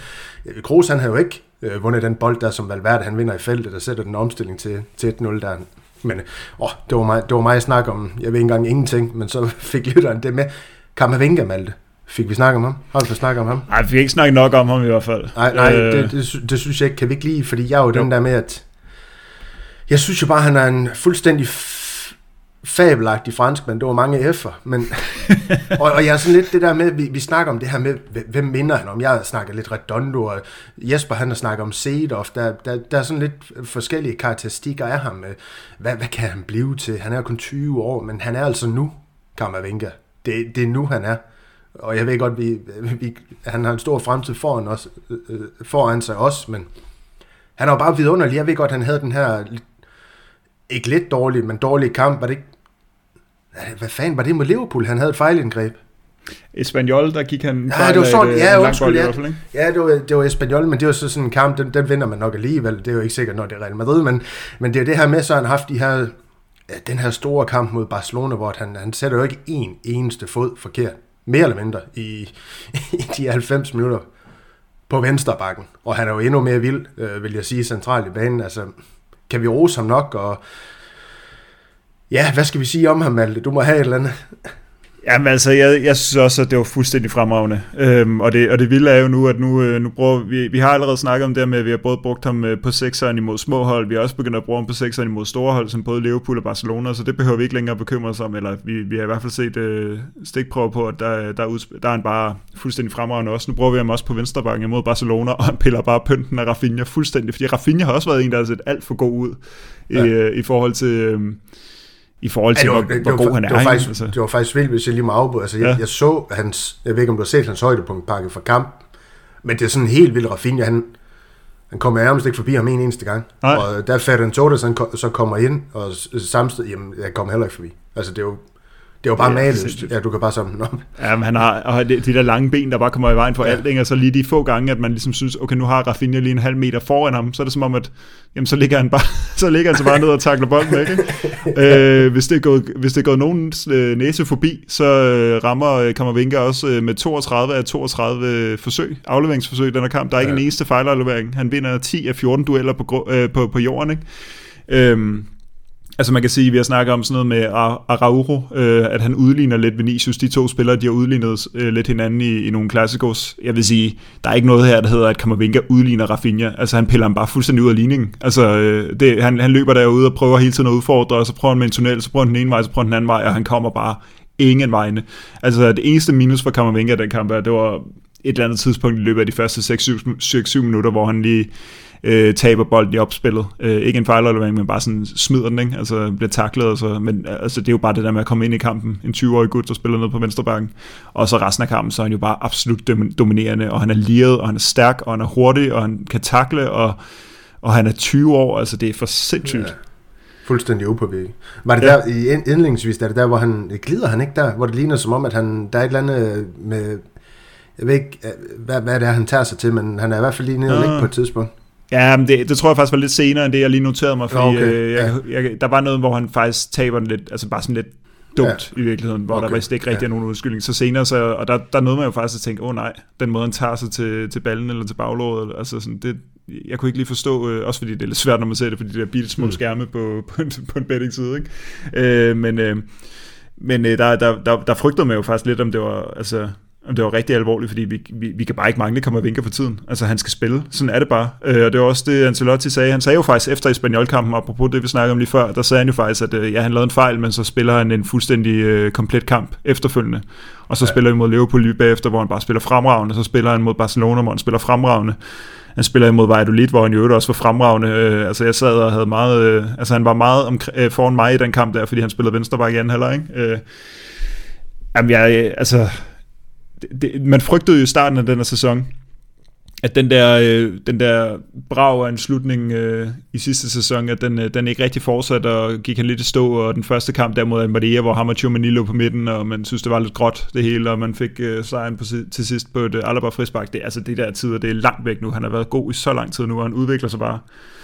Øh, vi, altså vi kan ikke rose ham nok, og vi skal bare være så glade for, at han... Øh, Ja, at, øh, at vi har ham, altså for relativt billige penge, og øh, ja, altså ja, jamen, fuldstændig jeg, jeg, jeg, er fuldstændig enig. Han har også i tillæg med til de ting, der du siger, altså syv clearinger, otte taklinger, ja. altså otte vedlæg tilbage, sådan lidt. Altså, det giver jo nærmest ikke nogen mening, det han præsterer i den her klassiker. Vi er vel også, det kan vi jo måske også snakke med Rodrigo, altså det her med, jeg, jeg, jeg ved godt, det her med Once de Gala, det er sådan lidt flyvs en gang imellem, men det, vi ved jo, at Ancelotti han godt kan lide at have en Once de Gala, som han, i hvert fald en, en kern, som han øh, stoler på. Det kan man jo øvrigt også se det her med David Alaba, han kom ind i midterforsvar igen med mm-hmm. Militao, og Cabral spiller, når Cabral er klar, men er vi ikke ude i nu, at også Rodrigo for eksempel, Rodrigo og Camavinga, er de ikke en del af Once de Gala? Skal de ikke være det resten af foråret? Er det ikke der, vi er med dem nu? Jeg vil jo stadig sige, at øh, apropos det, jeg sagde tidligere med, at, øh, at Ancelotti lidt nogle gange tager de, lem, de nemme valg, altså for mm. ligesom at slippe for at vælge mellem øh, ja, lige præcis øh, Kammervinka og, og, og Rodrigo, og så også mellem Valverde, Kroos og Modric, så prøver han ligesom den ene op på højre kanten, og den anden ned på midten, og den tredje ned på, på venstre bakken, ikke? Så, så vi ja. ved det jo ikke rigtigt, altså jeg vil sige, øh, hvis jeg skulle sige noget, så, så synes jeg jo, at øh, i forhold til første halvdelen af den sæson, så snakker vi om, at Kroos nærmest aldrig har været bedre. Ja. Det, det, ja, det, det er ikke helt der, jeg er lige nu, vil jeg sige. Altså, øhm, der, der synes jeg ikke... Øhm, altså, Kroos er en fremragende spiller, Men jeg tror måske et eller andet sted, jeg vil være der, hvis, øh, hvis jeg var Ancelotti, at, øh, ja, at, at Kroos måske er den, er den første af dem der, der, der hopper ud, altså på bænken, hvis vi skal stille med en det Galler, altså fordi hvis vi siger, at øh, Rodrigo bliver vi nødt til at have op på den kant, simpelthen fordi han er uvurderlig i offensiven, øhm, og Vinicius og Benzema skal spille, og hvis vi så lige leger med tanken om, at, øh, at Kammervinka selvfølgelig ikke er venstreback, og at vi får en eller anden form for venstreback dernede, om det så er Mandi eller en anden en, jamen så, øh, så er det vel øh, Kammervinka, Modric og, og Valverde. Altså er det, er det ikke det, eller hvad? Jo jo, altså det må jo være, det er jo det der med, som vi også snakker om med Tchouameni, kommer han tilbage og så bare kommer ind igen, jamen det gør han jo ikke nu. Altså det kan godt være, at han koster 100 millioner euro, men der er også noget med at, at spille sig tilbage på et hold, hvor der er så, altså, ikke så mange spillere, der gør det godt, men, men i hvert fald i rollerne, man kan sige Valverde og Modric, den her lidt mere dynamiske ja, spillestil, de bidrager, det ved jeg godt, Kammervinke han også gør, men, men den bruger han jo mere sådan, som sådan sin defensiv, øh, særligt defensive egenskaber selvfølgelig på sekseren, det her med, at han har det her vilde løbepensum, og ja. som du snakker om, vinder alle de bolde her, og, og alle de ting her, men jeg synes jo bare stadig det her med Kroos, Malte, altså vi snakker om, ja, han er i en bølge, og det kan vi jo se, Øh, det kan vi selvfølgelig se, men han hiver alligevel 90 minutter i den kamp. Du er, du er nede se mod Valladolid, og så hiver han også lige 90 minutter her mod Barcelona, fordi folk de har jo regnet med, at det var bare øh, Kroos, der skulle på bænken mod Barcelona, fordi han spiller fuldtid mod Valladolid. Sådan er det ikke, når det er Ancelotti, der er træner. Nej, han, det er ser, det. han ser uden tvivl Kroos som måske i virkeligheden den vigtigste midtbanespiller derinde, altså ja, til, at, det, til, til, til at dirigere spil. Øhm, og jeg ved godt, så kan vi kalde ham øh, gammeldags og alle de ting her, fordi han, han, han, han, han ser spillet sådan, men ja, det, det, det bliver i hvert fald spændende at se øh, lige nu. Altså, om ikke andet, så kan man vinke, så kommer han til at starte på den her venstreback. Det er jeg faktisk slet ikke i tvivl om. Og så, når, når der skal noget pause til de her lidt ældre spillere, måske også i La Liga virkelig, hvor man kan hvile Kroos og Modric lidt mere, så kan man spille noget kamp med vinke derinde. Og, og Tchouameni, det tror jeg, vi kommer til at se en, en ja, i en højere grad i, i, i virkeligheden i, i løbet af La Liga her. Men så lad mig spørge dig, altså hvis vi nu leger med, med altså vi, vi prøver at sætte et hold til, til Chelsea-kampen, og vi, vi skal placere spillere på de øh, positioner, som de ligesom spiller. Altså det vil sige, der er ikke noget, der hedder Kammervinger ned på, på venstre bak. Vi skal stille med tre centrale midtbanespillere. Fordi jeg kunne godt stadig have Ancelotti mistænkt for, for, for rent faktisk at bænke, altså Kammervinger i den kamp, så, så vil han stille med Kroos øh, og Valverde og Modric vil du også tænke sådan, eller, eller hvordan vil du øh, tro, at Ancelotti vil vælge den? Jeg tror ikke, han bænker Kammervinke, hvis det er. Altså, hvis vi skal stille dem, så, så tror jeg, så bliver det ja, bakkæden, som du ser den nu, Nacho til venstre, og så tror jeg, Rodrigo han kommer på bænken. Det er mit bud, ja, når det er Champions League. Valverde op, og så er det Rodrigo ja. ja. Og så kan man sige, hvis udgangspunktet det er, at man skal op og, og det, nu laver jeg anfølgelsesstand, det kan du ikke se, fordi mit kamera det går ud, det ved lytterne ikke, men øh, op og være mere offensiv i anfølgelsestegn. Det ved godt, du har svært med, når Ancelotti han siger, fordi er det så mere offensivt eller ej, men, men så, så er det måske Rodrigo i anden kamp. Øhm, men, men som udgangspunkt, så tror jeg faktisk, det vil være lært, så kan man vinke der på, på sekseren med Kroos. Ja, det er, det er nok godt, ja. Og Modric øh, foran, men fik vi, øh, fik, jeg synes, vi fik snakket Kammervinge godt igennem, fik vi snakket nok Vinicius i dag? Nej. Har han... Øh, jeg har noget.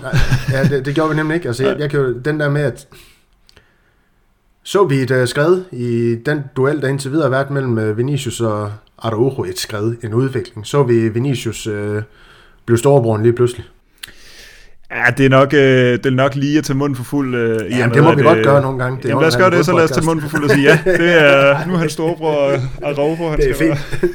Nuancere det. ja, ja det, altså, det er jo, der, han har været god mange kampe mod Vinicius Araujo, ikke? Øh, men jeg vil sige, øh, det er nyt det der med, at vi bare ser ham sætte ham fuldstændig på den måde. Det er også nyt ja. det med, at jeg noterer mig, at Vinicius han lavede tre driblinger i den kamp her, og han lykkes med ja. dem alle sammen. Jeg tror aldrig nogensinde, jeg har set en kamp, hvor Vinicius han har 100% øh, vellykket driblinger før. Eller det er jeg faktisk rimelig 100% sikker på, at jeg ikke øh, nogensinde har set før. Men også det der med, øh, nogle gange noterer man, at nogle af de bedste kampe, han spiller, det er dem, hvor han ikke dribler 17 gange, altså fordi så er det næsten et udtryk for, at han bare går i panik til sidst, og bare laver random øh, træk her der på at komme ud om spillere, men, men at når, når han dribler, så, så er det med et, et mål, ikke? Øh, et formål, vil jeg mærke. Øhm, men, øh, men jeg vil sige, øh, i forhold til øh, Vinicius, en ting er hans øh, duel op fra Arojo, øh, og hvordan øh, vi ligesom øh, kan snakke om, at det, at det var et, et, et stik til Vinicius her. Så vil jeg sige, sådan, Vinicius over Barcelona i det hele taget, så var det her et, et, et wake-up call altså for, for Barcelona. Altså de, de skal bare passe på, at, at øh, Real Madrid ikke kommer på, på samme måde sidst, fordi på den måde, de bare konstant halser efter ham, altså de kan jo slet ikke, altså når han først er fri der på midten, fordi en ting, altså vi kan, altså det her med, at Araujo han står ude på højre bakken, jamen så må vi jo udnytte, at han står derude, så skal vi da, have, skal vi da udnytte, at han ikke er inde centralt i forsvaret. Øhm, og på samme måde, så skal Vinicius der heller ikke bare konstant stå over for Araujo. Altså den mand, som Xavi ser allerbedst til at, at stille, sig, stille over for Vinicius. Det er da ikke ham, Vinicius konstant skal stå over for. Hvad med bare løbe i dybden bag Busquets, fordi at, øh, han, han kun kan løbe øh, 12 km i timen.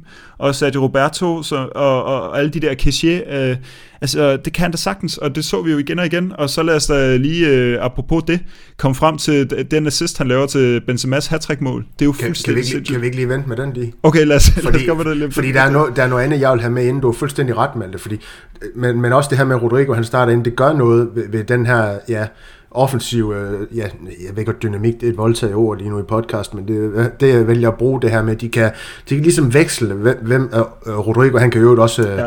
give noget støtte til Vinicius derude, der for, for vi er uro, men de kan også sådan, jeg ved godt, de ikke bytter plads, fordi vi, vi ser jo ikke Vinicius på højre kanten, men stadig, altså, øh, de kan lave nogle ting, det er nok det, jeg vil frem til, øhm, der, der forvirrer Araujo. Det synes jeg måske også, man, man ser, jeg kan ikke huske, hvor Araujo han er fanget hende der, men og hvem er der slår afleveringen? Er det Kammervinga, der slår en hård aflevering op på Vinicius, der hvor han, kun, han har kun det i ryggen, og så laver Fernandinho på ham. Du ved, hvor han lader oh, den gå igennem ja, benene, og så kunne det bare øh, sat. Og hvor jeg tænker, jamen det er jo ikke kun Fernandinho, han kan snyde med dem der. Det er også nogle af de bedste forsvarsspillere i verden. Ja. Og i det her tilfælde, Jules Koundé, som er jo en, i hvert fald respekteret forsvarsspiller i spansk fodbold. Øh, det, det, det er der ja. ingen tvivl om. Så, og, og, så ved jeg godt, chancen den, den løber ud i uh, ingenting i det tilfælde her, men det var bare for igen statuere det her eksempel om, at Vinicius han havde dem i, øh, i lommen i store del af kampen. Jeg ved godt indledningsvis, der havde Araujo også et par vellykkede indgreb på ham og sådan nogle ting her, men øh, som kampen den skred frem, der, der vandt Vinicius indpas, og det så man også her. Jamen det er det, altså i første halvleg havde han jo ikke en chance, fordi han konstant skulle starte fuldstændig stillestående ude et eller andet sted på, omkring midterlinjen ud til venstre med, med tre Barcelona-spillere rundt om sig, og så bare prøve at sætte i løb. Ikke? Altså det der fuldstændig misforstået taktiske oplæg, altså hvor det er bare de to, og så Rodrigo, hvis han lige kan løbe 40 km i timen på, og, og så komme op og være med. Ikke? Men, men i anden halvleg, hvor det, at de skal forholde sig til meget, så sat til så meget, at Vinicius konstant ligesom får det, det der splitsekund til lige at, at snyde. Altså, øhm, og, og det, altså, fremragende. Altså, hvor var, det, hvor var det fedt at se, fordi han, han var ustoppelig til sidst. Altså til sidst, så, så var det jo, altså, det var næsten en ydmygelse, ikke? Øh, og han er jo, altså nu er han jo kun øh, to mål fra at lave de 22, han lavede sidste sæson, så det kan også være, at han slår sin personlige målscoringsrekord. Ja, man har jo en vild sæson. Er det 35 øh, mål og sidst øh, kombinerer han på nu? Altså, jeg det synes, det, det, jeg synes, det er vildt. Altså, det, det er stadig vildt tal, og, og nogle gange så synes jeg, man...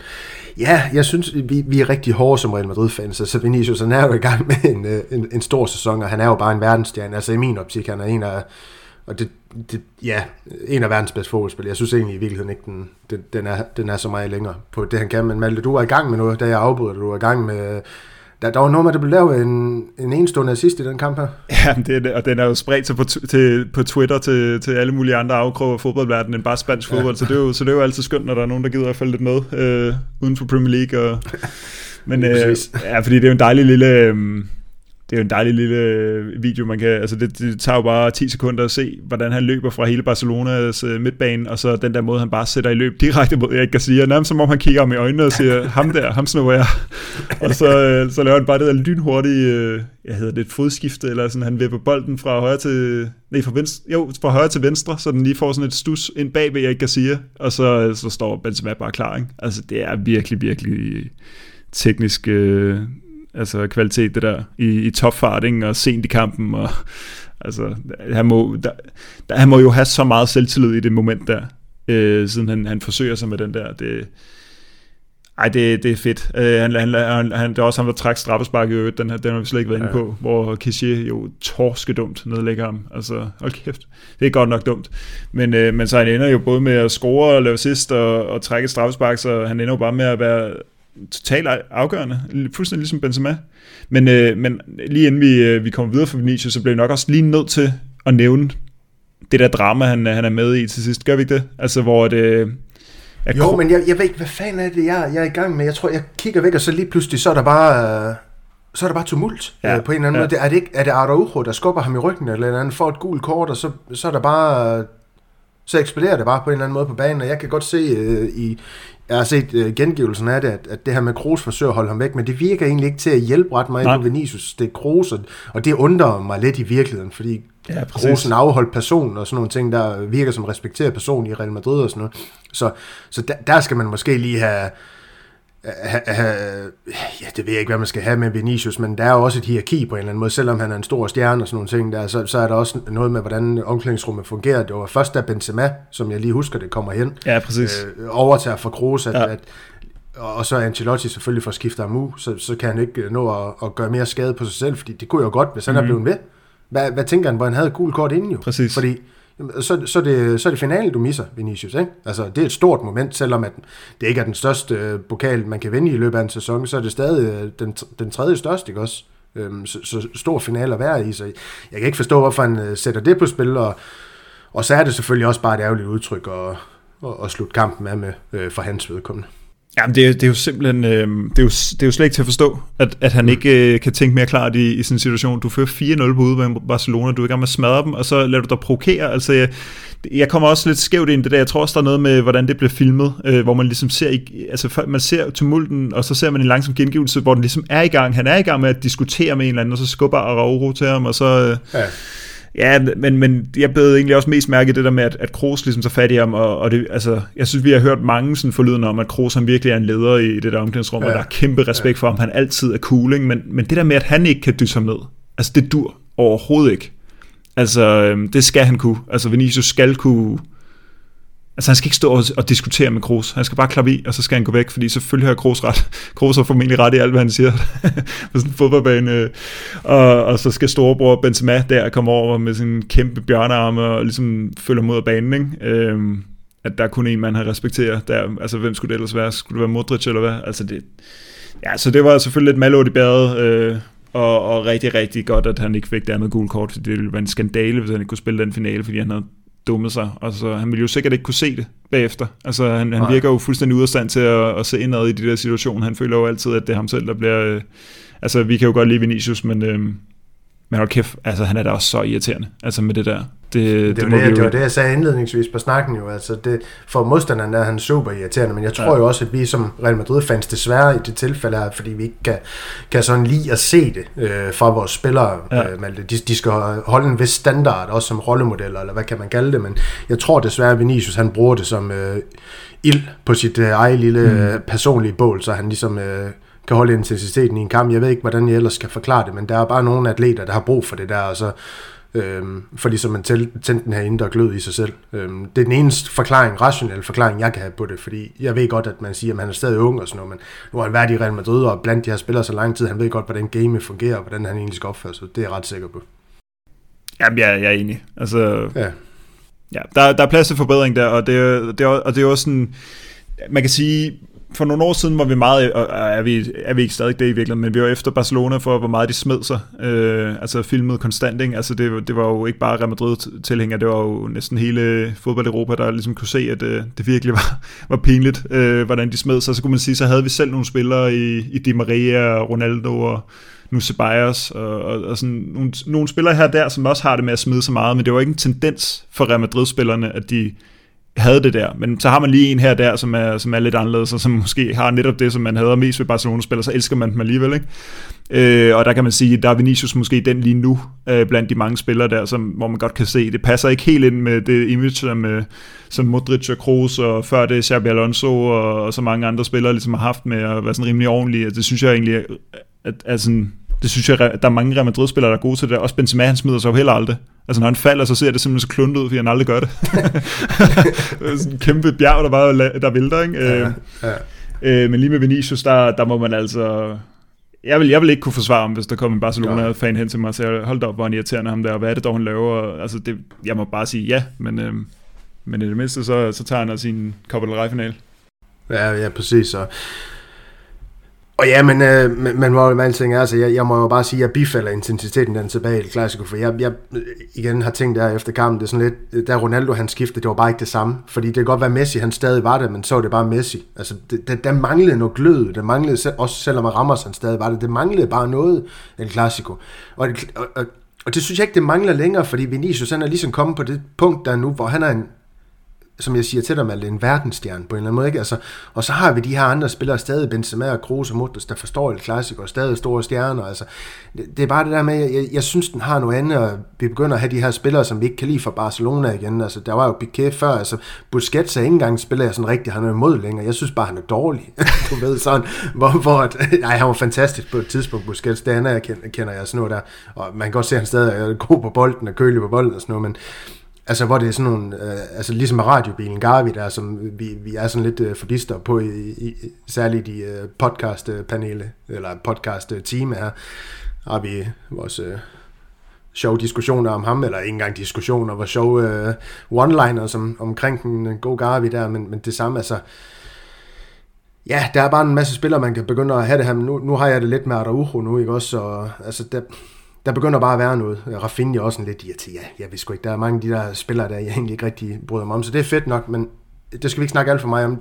Noget andet, med, når du kom til at minde mig om, altså i forhold til det her med, jeg snakker om det her med at bifalde intensiteten med en en, der ikke bifalder intensiteten, eller i hvert fald ikke udstråler det. Det er Toni Kroos. Jeg ved ikke, om du så efter kampen, det her med Benzema, han kommer ind i øh, omklædningsrummet og bare råber, Wii! Wii! Og Carlo, han står og snakker i telefon. Kroos, jeg ved ikke, hvad han er i gang med, men jeg, jeg, aldrig set den så afdæmpet type, når jeg selv når Real Madrid de vinder store Champions League til. Jamen, det er helt Jeg forstår, forstår ikke, hvordan han kan være så kølig, uh, ham tyskeren her. Han må simpelthen have vundet for mig. Jeg, jeg, jeg kan, det er svært at beskrive, ikke? Jo, det er rigtigt. Jeg så også godt den der video. Det var lidt sjovt. Det så også det, men jeg, jeg vil faktisk sige, det, det kom ikke så meget bag på mig, at, øh, at Kroos var så afdæmpet lige i situationen. Men til gengæld mindede mig om det her med, at, øh, at som Ancelotti han har sagt hele vejen, altså, eller ja, lige siden han kom ind som, som Real Madrid-træner her i anden omgang, det her med, hvordan Benzema han har udviklet sig til en kæmpe ledertype.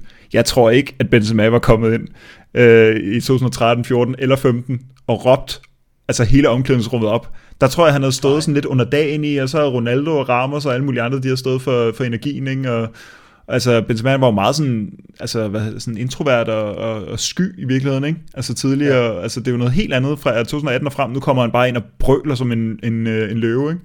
Øh, så, så, ja, så, så to, øh, to spillere i deres øh, forskellige S efter sådan en stor sejr, det synes jeg var lidt sjovt. Ja, hvad tænker du øvrigt? Jeg ved godt, vi har snakket om, at han scorer tre mål, laver det her hat Han laver også hat mod Valladolid, øh, to hat i træk. Vi jo, han har det med at lave hat i, øh, i foråret. Det gjorde han jo også sidste sæson mod øh, et øh, par store modstandere i Champions League øh, blandt andet, men er han, er han tilbage nu, Malte Benzema? Og hvad betyder det øvrigt for Real Madrid i al almindelighed, hvis han er det? Jamen, jeg har det jo faktisk lidt ambivalent med det her, øh, med at han, øh, han scorer de her hat nu. Fordi jeg har det jo lidt sådan, at... Øh, du, du så gerne, han ventede lidt. ah, jeg så gerne, han, øh, han lige fordelte dem øh, lidt, øh, lidt til september, lidt til november, og så lidt til Nå, februar. på den måde, ja, ja, ja. Fordi nu står han lige pludselig og har scoret 25 mål på 31 kampe, og det dur ikke, at hvis der er en eller anden, øh, de høje herrer oppe i, de, øh, oppe i, øh, i ledelsen der, de, de så kigger på en statistik og siger, nu køber vi bare en gang mere endnu en sæson. Altså vi skal stadig have den der snak omkring Benzema. Altså er han der i en hel sæson? Fordi det er rigtig flot med de her to hat -tricks. Det ene er komplet ligegyldigt, det der mod var det lidt, ikke? men det er flot. Øh, det her er jo kæmpestort selvfølgelig. Altså kæmpe, kæmpe stort at lave et, øh, et hat på, på Bernabeu. Øh, eller nej, på Camp Nou. Men, øh, men om han er tilbage, ja, det, jeg synes der lige nu, i de sidste to kampe, vi har set, der ligner han da, den Benzema, vi så øh, imod Chelsea og imod PSG, og, altså, så, så umiddelbart ja. Øh, spørgsmålet er så bare, øh, altså hvor lang tid kan vi få den Benzema om året, og skal vi lægge hele vores angrebsspil op på det? Øh, fordi du er jo ikke, at, øh, at, der, at der går seks måneder en sæson, før han er der, ikke? Men, øh, men altså, lige nu, der er en jo flyvende. Ja, men jeg tror, jeg tror, håb, eller jeg tror ikke. Jeg håber på, for jeg tror det jo ikke. Jeg håber på, at Real Madrid's ledelse ligesom har, har accepteret, at Benzema også, kvad den alder, han har, og jo også med Modric og de typer der, Modric og Kroos er jo også nyt godt af i virkeligheden, at der har været alle de her unge spillere nu på midtbanen, der ligesom har, har taget lidt fra. Så, så det her med at blive opbygget igen, Malte, det der, man, man kan godt komme godt fra start i en sæson i, i vi, vi snakker der i september, oktober, så kan niveauet godt falde, og man skal lige over det her vinter, og så blive bygget op igen til den slutspurten i maj, og det vil Benzema måske godt stadig kunne, men så skal man også acceptere i ledelsen, og det er jo lidt det, jeg håber på, at, at det kan han ikke være over en hel sæson længere. Så have den her, øh, det her supplement på nieren, som ligesom kan komme ind og overtage de her perioder, måske også i de perioder, det må vi også bare acceptere som, som fans, at de her spillere, de ikke er super motivere, måske i november, for at spille fodbold på, på de golde aftener. Der, der kan det være, at det er noget lidt, jamen det er jo bare sådan, det er, jeg er bare nødt til at sige det. Altså, det, det er sådan, jeg, jeg kan ikke tyde andet ud for det, der er sket i den sæson her. Altså, Nej. Og, og så for de her spillere ind, der gerne vil det på en eller anden måde. På den anden side, så startede vi sæsonen fuldstændig sindssygt ud, ikke? Altså, og tabte jo ikke i 14 kampe eller sådan noget. Altså, så det er jo heller ikke, fordi det har været helt... Øh, altså, det, der kom bare et lidt mærkeligt dyk, dyk men, øh, men det dur i hvert fald ikke, at vi er 12 point efter i... Øh, altså, det var vi jo allerede i marts. Øhm, ja, ja, det dur ikke, nej. Og jeg hørte også en, øh, en, en øh, engelsksproget, den der Managing Madrid, hvor en af dem, de kom med den pointe der med, at øh, det er ovenikøbet en sæson, hvor, hvor sæsonen er en, en måned længere, så er det i virkeligheden i februar, vi, vi er 12 point efter øh, i en normal sæson, og det, det, det kan man jo ikke. Man kan jo ikke, den mand, der skal score alle vores mål, han må ikke først dukke op i, i slutningen af marts, start april. Altså, ja, det er jo faktisk start april, ikke? Øh, så der, der skal tænkes, øh, der skal tages en alvorssnak med, med Benzema, og, og det er ikke holdbart, altså som du siger, vi bliver nødt til at, altså der bliver nødt til at være et supplement, der ikke hedder Mariano eller Rodrigo, altså sådan er det bare. Jamen, jeg, jeg, jeg er fuldstændig enig i den pointe. Jeg ved ikke om, jeg scroller lige på Twitter, mens du snakker, jeg ved ikke om det var med i hans øh, interview efter kampen, eller det er op til den her kamp mod Villarreal, som, som blev spillet lørdag, men der siger han om, øh, siger han om Benzema, øh, Toni Kroos og Modric, altså den gode Carlo, at øh, det kan godt være, at de ikke har fysikken, ligesom de her unge spillere har, men øh, der er ingen andre i verden, der kan håndtere øh, kampe, som de kan. Øh, og det, og det, det er så noget, man ikke kan gå ud og investere i i markedet. Og det taler måske også lidt ind i den snak, vi har. Så det, for mig, der skal vi stadig holde, forsøge at holde på de spillere her. Men det betyder ikke, at vi skal, vi, vi skal negligere en, en, en god mulighed øh, på transfermarkedet i min verden. Øhm, Ressource havde jo været sommerens indkøb. Jeg håber lidt, at man, man tænker i samme baner til sommer, og så vil hente en ressourcetype. Øh, det bliver jo nok i kamp, fordi han er i Arsenal, og, og har det rigtig fint der nu. Øhm, men, men stadig, det håber jeg. Ja, også fordi den der, den der udtalelse, som du lige nævner for Carlo der, den er jo, den er jo fin nok at komme med nu, men hvad hvis han har sagt det samme, da vi tabte øh, den spanske Supercup, uden at have sat et ben til jorden, ikke? 3 til Barcelona, eller da vi tabte 4-0, eller, eller et af de andre nederlag, vi har fået 2-1 her forleden, ikke? Altså, så kan du ikke bare gå ud og sige, at der er ikke nogen, der kan håndtere det som... Øh, altså, så det, den, den går jo kun, fordi vi lige har vundet så stort. Altså, men, men, men det, over, set over en hel sæson, så er det jo ikke en, en, en succeshistorie, Real Madrid mod Barcelona. Altså, vi taber ligaen til dem, vi tabte den spanske Supercup i, i en direkte duel til dem, og, og nu slår vi dem stort på Camp Nou, øh, og, og, og kan formentlig, eller forhåbentlig, vinde en Copa del Rey-finale, men, men det, så står den stadig 2-1 på trofæer, sådan en direkte, det direkte opgør med dem, ikke? Så, så ja, jeg er enig med dig, der skal tænkes, og vi kan ikke bare sige, altså fordi men det, jeg ved heller ikke, hvor meget Carlo Ancelotti går op i det der med energi, altså, det, fordi det, det er jo ikke fordi, at, øh, at hans oplæg vidner om stor energi. Altså det, han, vid, han vægter bare rigtig meget af det der erfaring, og, øh, og det tror jeg ikke øh, holder over en hel sæson. Nej, nej, den del, den, øh, den, den tror jeg, du er ret i. Det er faktisk sjovt, jeg hørte, øh, jeg hørte en Mediano-podcast. Øh, Max Mediano, den seneste, fordi jeg synes, det var et interessant tema, de tog op. Altså det her med, øh, hvornår holdene topper i løbet af en sæson. Og det her med, som Monrup, han, jeg godt, ja, det kan lytterne også få at vide, jeg har kaldt dig minimonerup ind i vores uh, interne gruppe, men det er det her med, at han, han, siger, han, øh, han siger egentlig noget ret, ret fornuftigt. Altså, det her med en Guardiola-type, den her, hvad, hvad kan vi sige, konceptspil, han har, det passer rigtig, rigtig godt til, en, til, en, til, en, til en lang sæson, fordi han forlanger det fuldstændig samme spillerne, hver evig eneste gang giver det mening. Altså, mm. de ved, hvordan de skal spille fuldstændig hver eneste gang, samme intensitet, hvor Ancelotti, det er lidt mere flydende, ikke også? Øh, hvor man så har de her spillere med så meget erfaring, der har været så meget igennem, som han bare stoler på, jamen de ved, hvad de skal gøre i Champions League, når det kommer til stykker. Jeg kan godt se kontrasten der. Og det er lidt sværere, det er også det, jeg vil frem til, som jeg, da, da jeg snakker om det her med de der træls november, november aftener, eller december aftener i januar, hvor der er lidt vådt, og det hele det ikke er så sjovt i, i Madrid, du ved, hvor, altså, det kan godt være, at de typer, de, de, de dur de nok ikke til længere. Altså, du ved, det er der, hvor det er det der med, og så for i Real Madrid, det skal virke men en type som Ancelotti, der er du bare nødt til at have, ligesom han, nej det havde han ikke, men bare der havde Morata, da han var ung i sin tid, var det i 16-17, han var der. Men det er også lige mig, men, men den her angriber, der kan komme ind og så score de her her ekstra mål. Jeg kan huske, Morata, han, han var i hvert fald garant for en 10-12 mål i løbet af en sæson, og det, det har vi jo ikke nu for Mariano, eller ja, hvem ellers. Og, og det er, der Alvaro Rodriguez heller ikke nok i min bog i virkeligheden. Der skal han stadig være tredje banan eller udlejes. Så, så, men, men det er bare igen for, for at tale ind i det, det, det gode ved en koncepttræner, det vil være den, den langstrækte sæson, men jeg synes jo bare stadig, at der man så set, det har været svært at sætte noget. Han har været Champions League-final med Manchester City, men det er stadig, han, er, han er ikke kommet over den her ja, hurdle, og så vinde Champions League med en anden klub end Barcelona, så, så, så der er noget, der er svært der, kontra med Ancelotti, der jo fandme vinder Champions League-titel, som vi andre, vi skifter underbukser. ja, så, men det er bare det er en sjov, det er en sjov snak og en sjov debat, det der. Altså, det kan godt være, det er det, der skal ind. Det er nok det, jeg er frem til, hvis Real Madrid de skal dominere hele liga Ja, fordi Real Madrid vinder jo de der Champions League-trofæer på, på ren klub-DNA, vil jeg sige. Ikke? Ja. Og det vil jeg jo faktisk sige, at der ikke er nogen som helst anden klub i hele verden, der kan, der kan bryste sig af. Så det, at der, hvis der kommer en koncepttræner ind i, i Real Madrid, så øh, vil vi ikke kunne tage noget som helst andet, øh, altså noget som helst andet eksempel i fodboldverdenen og ligesom sammenligne det med, fordi at, øh, at alle andre klubber, de skal, altså der er det en kæmpe ting, det der med at vinde Champions League, det er det selvfølgelig også for Real Madrid, men altså den der måde vandt den i sidste sæson, altså det er jo, jeg, jeg vil jo, altså det er jo så også, fordi jeg mener, at det er mere klub-DNA, altså det er mere... Øh, den, øh, den arv, som Benzema og, og, og Modric og Kroos øh, har fået fuldstændig ind i knoglerne, altså men, overtaget men, fra Ronaldo der, der, og så videre, ikke? Ja, der er min bare, det skal vi stadig være stolte af. Det skal ja, vi stadig tale rigtig pokker. positivt om. Helt vildt. Det, ja. det er slet ikke, en, øh, det er slet ikke en, øh, en anke eller noget. Det er sådan set bare mig, der, øh, der ikke giver Ancelotti helt så meget ro som, som måske så mange andre. Øhm, fordi jeg synes jo, altså jeg synes, det er den største ros af alle, det er, at, at Real Madrid, de har det der storhed helt ind i, i, altså i, i vævningen på, på, på trøjen, ikke? Øh, og, og den bare kører videre, kører videre, kører videre. Raul tager den fra, diste, øh, fra øh, ja, han tog den så ikke for, øh, for øh, Butragenio selvfølgelig, fordi de ikke vandt så meget andet end UEFA Cup, men der skete i hvert fald noget med, med noget storhed der, øh, og de vandt nogle, øh, de begyndte at vinde øh, Champions League igen i, i slut 90'erne, i starten 0'erne og sådan noget, ikke? og så, så den bare kørt videre derfra, så så, så ja, altså, men jeg, jeg, det, det bliver selvfølgelig en, øh, en større snak, som vi har taget mange gange før, jeg kunne stadig godt være spændt på at se, hvad, hvad der vil ske, ikke? Men med, med noget mere koncept indover, fordi jeg synes, det er, det er lidt irriterende det her med, at vi lige pludselig begynder at smadre øh, var 6-0, når ligaen er komplet ligegyldig.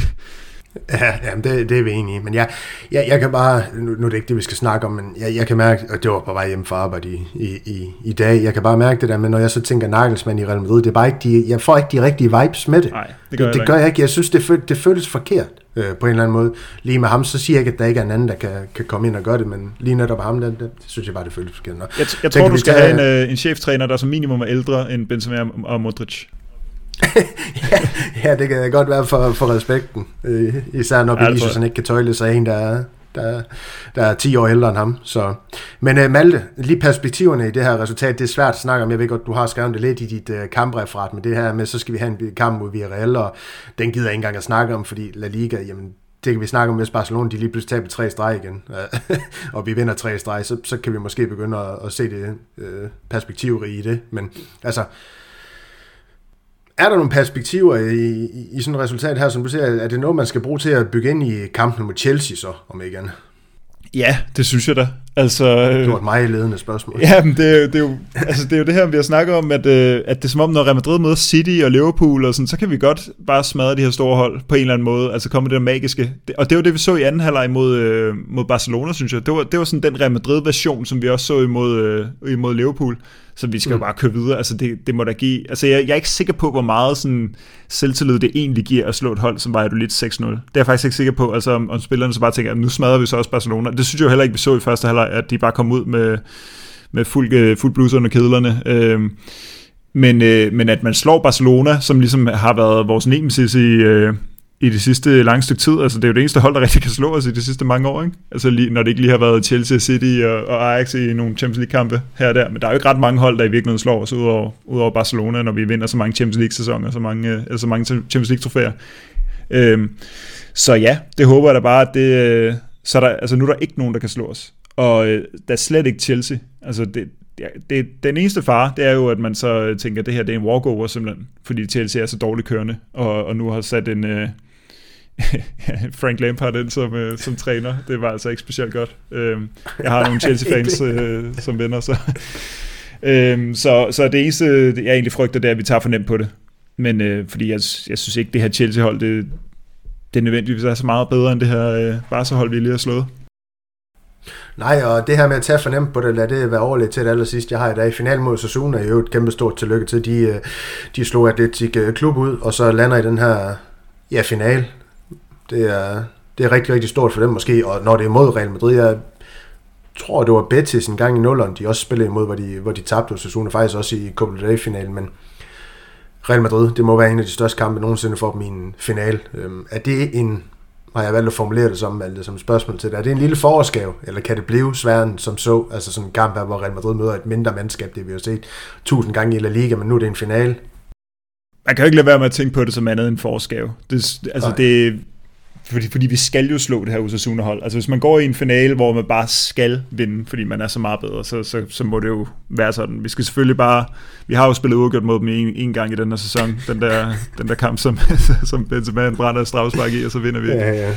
ja. Øhm, men uh, en final mod Osasuna, altså vi, vi slog, uh, var det i sidste sæson, vi slog uh, Athletic Klub i uh, finalen i den spanske Supercup, og det var meget tilforladeligt. Altså det var lige øh, en Modric-scoring, og så måske øh, var det Benzema, der scorede det andet, og så fik, så fik Militao et rødt kort meget sent i kampen, og Courtois to strafspark, men så øh, det var også det eneste drama, der kom. Så, så, og der, der var det sådan en dag på kontoret, det håber jeg lidt, det kan blive igen. Øh, og Osasuna, altså nu, nu kan jeg faktisk ikke huske, hvor den blev spillet, men der er også noget med at spille i Pamplona, som ikke er så sjovt. Øh, altså nede på Osasunas øh, El Sadar. Øh, ja. Det her, det er vel en øh, neutral grund, så de har heller ikke ja. den der øh, hjemmebane med sig, så... Øh, så øh, man lyder selvfølgelig altid arrogant, når man siger det, men det, det har bare været en, en, en forskave og et trofæ til Real Madrid.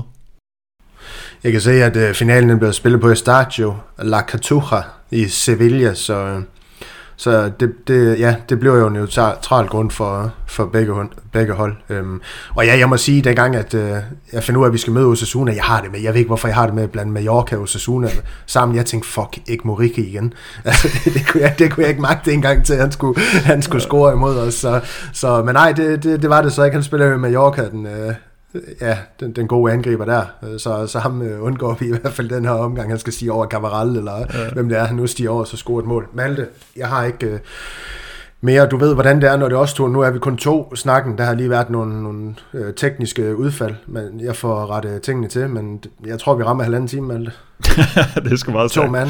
jeg ved ikke, hvordan det kan lade sig gøre, men det, det kan det jo så, når det også Har du noget, vi skal runde af med, eller et eller andet? Skal vi lige tage en sidste, en lille, en lille Benzema-historik øh, her, fordi øh, han rykker jo faktisk med det her hat øh, imod Barcelona, så rykker han faktisk fra 8. pladsen til 4. pladsen over øh, topscorer på, øh, i, i Klassikos igennem tiden, fordi nu, nu står han på 16. Han rykker jo så forbi øh, Puskas, Rento og øh, Barcelonas angriber der, Cesar, der alle sammen stod på 14 og han rykker også forbi øh, Raul, der stod på 15, så nu har han kun øh, to mål op til Ronaldo og Di Stefano, og så lige en del flere selvfølgelig op til Messi på førstepladsen.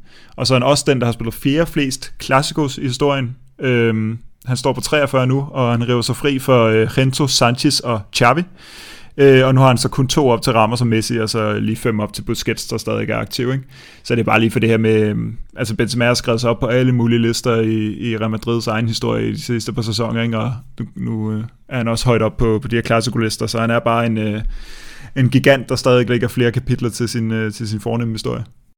Ja, Malte, det kan jeg også som det aller, aller sidste så lige spørge dig om. Nu ved jeg godt, nu blev der noget helt andet end uh, de her to kampesnak, men nu, nu bragte du selv uh, Benzema's uh, statistiske historik ind i billedet, og det er jo ikke nogen hemmelighed, at uh, Puskas og Benzema, de er måske eller de er de to største nier i Real Madrids historie. Jeg ved godt, dermed så siger man Raul nier, men Raul det er lidt noget andet, jeg synes, vi taler ind i, når vi snakker store spillere i Real Madrids historie, end det Puskas og, og hvad kan man sige, Benzema, de har, de har leveret altså målscoringsmæssigt og assistmæssigt, alle de ting her, de, de har bidraget med, hvor Raul det er nogle andre ting, han aura og metodismen og alle de ting her, men jeg har aldrig været i tvivl om Benzema, i, særligt efter 2018 har er gået forbi øhm, den gode Ferenc Puskas. Der var du lidt mere, ah, er han rent forbi, er han ikke rent forbi, men med alt det her, du selv nævner nu, Malte, en mente, er vi så ved at være der, hvor du også øh, har Benzema over Puskas, altså stensikkert?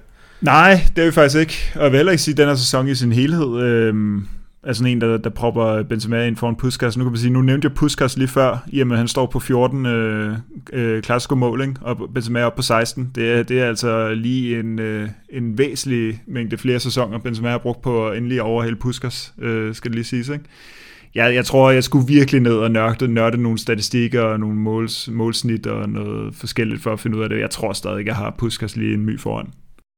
Ja, jamen ganske interessant, og jamen, lad os øh, stemple ud på det, for jeg, jeg har ikke mere, og så vender vi jo på en eller anden måde tilbage næste uge, når vi har fået sammensat et hold. Det kan jo godt være lidt problematisk i, i de her påsketider åbenbart, men øh, vi fandt øh, tid til det i dag, Malte, og derude der Prøv at høre, I har fået halvanden teams, nærmest et klassiko-snak. Altså, vi har den her mobile paybox, nummer det er 1630WV, hvis I vil have mig mere af de her åbenbart lange podcast, når mig og Malte, vi, øh, vi sidder, sidder i panelet.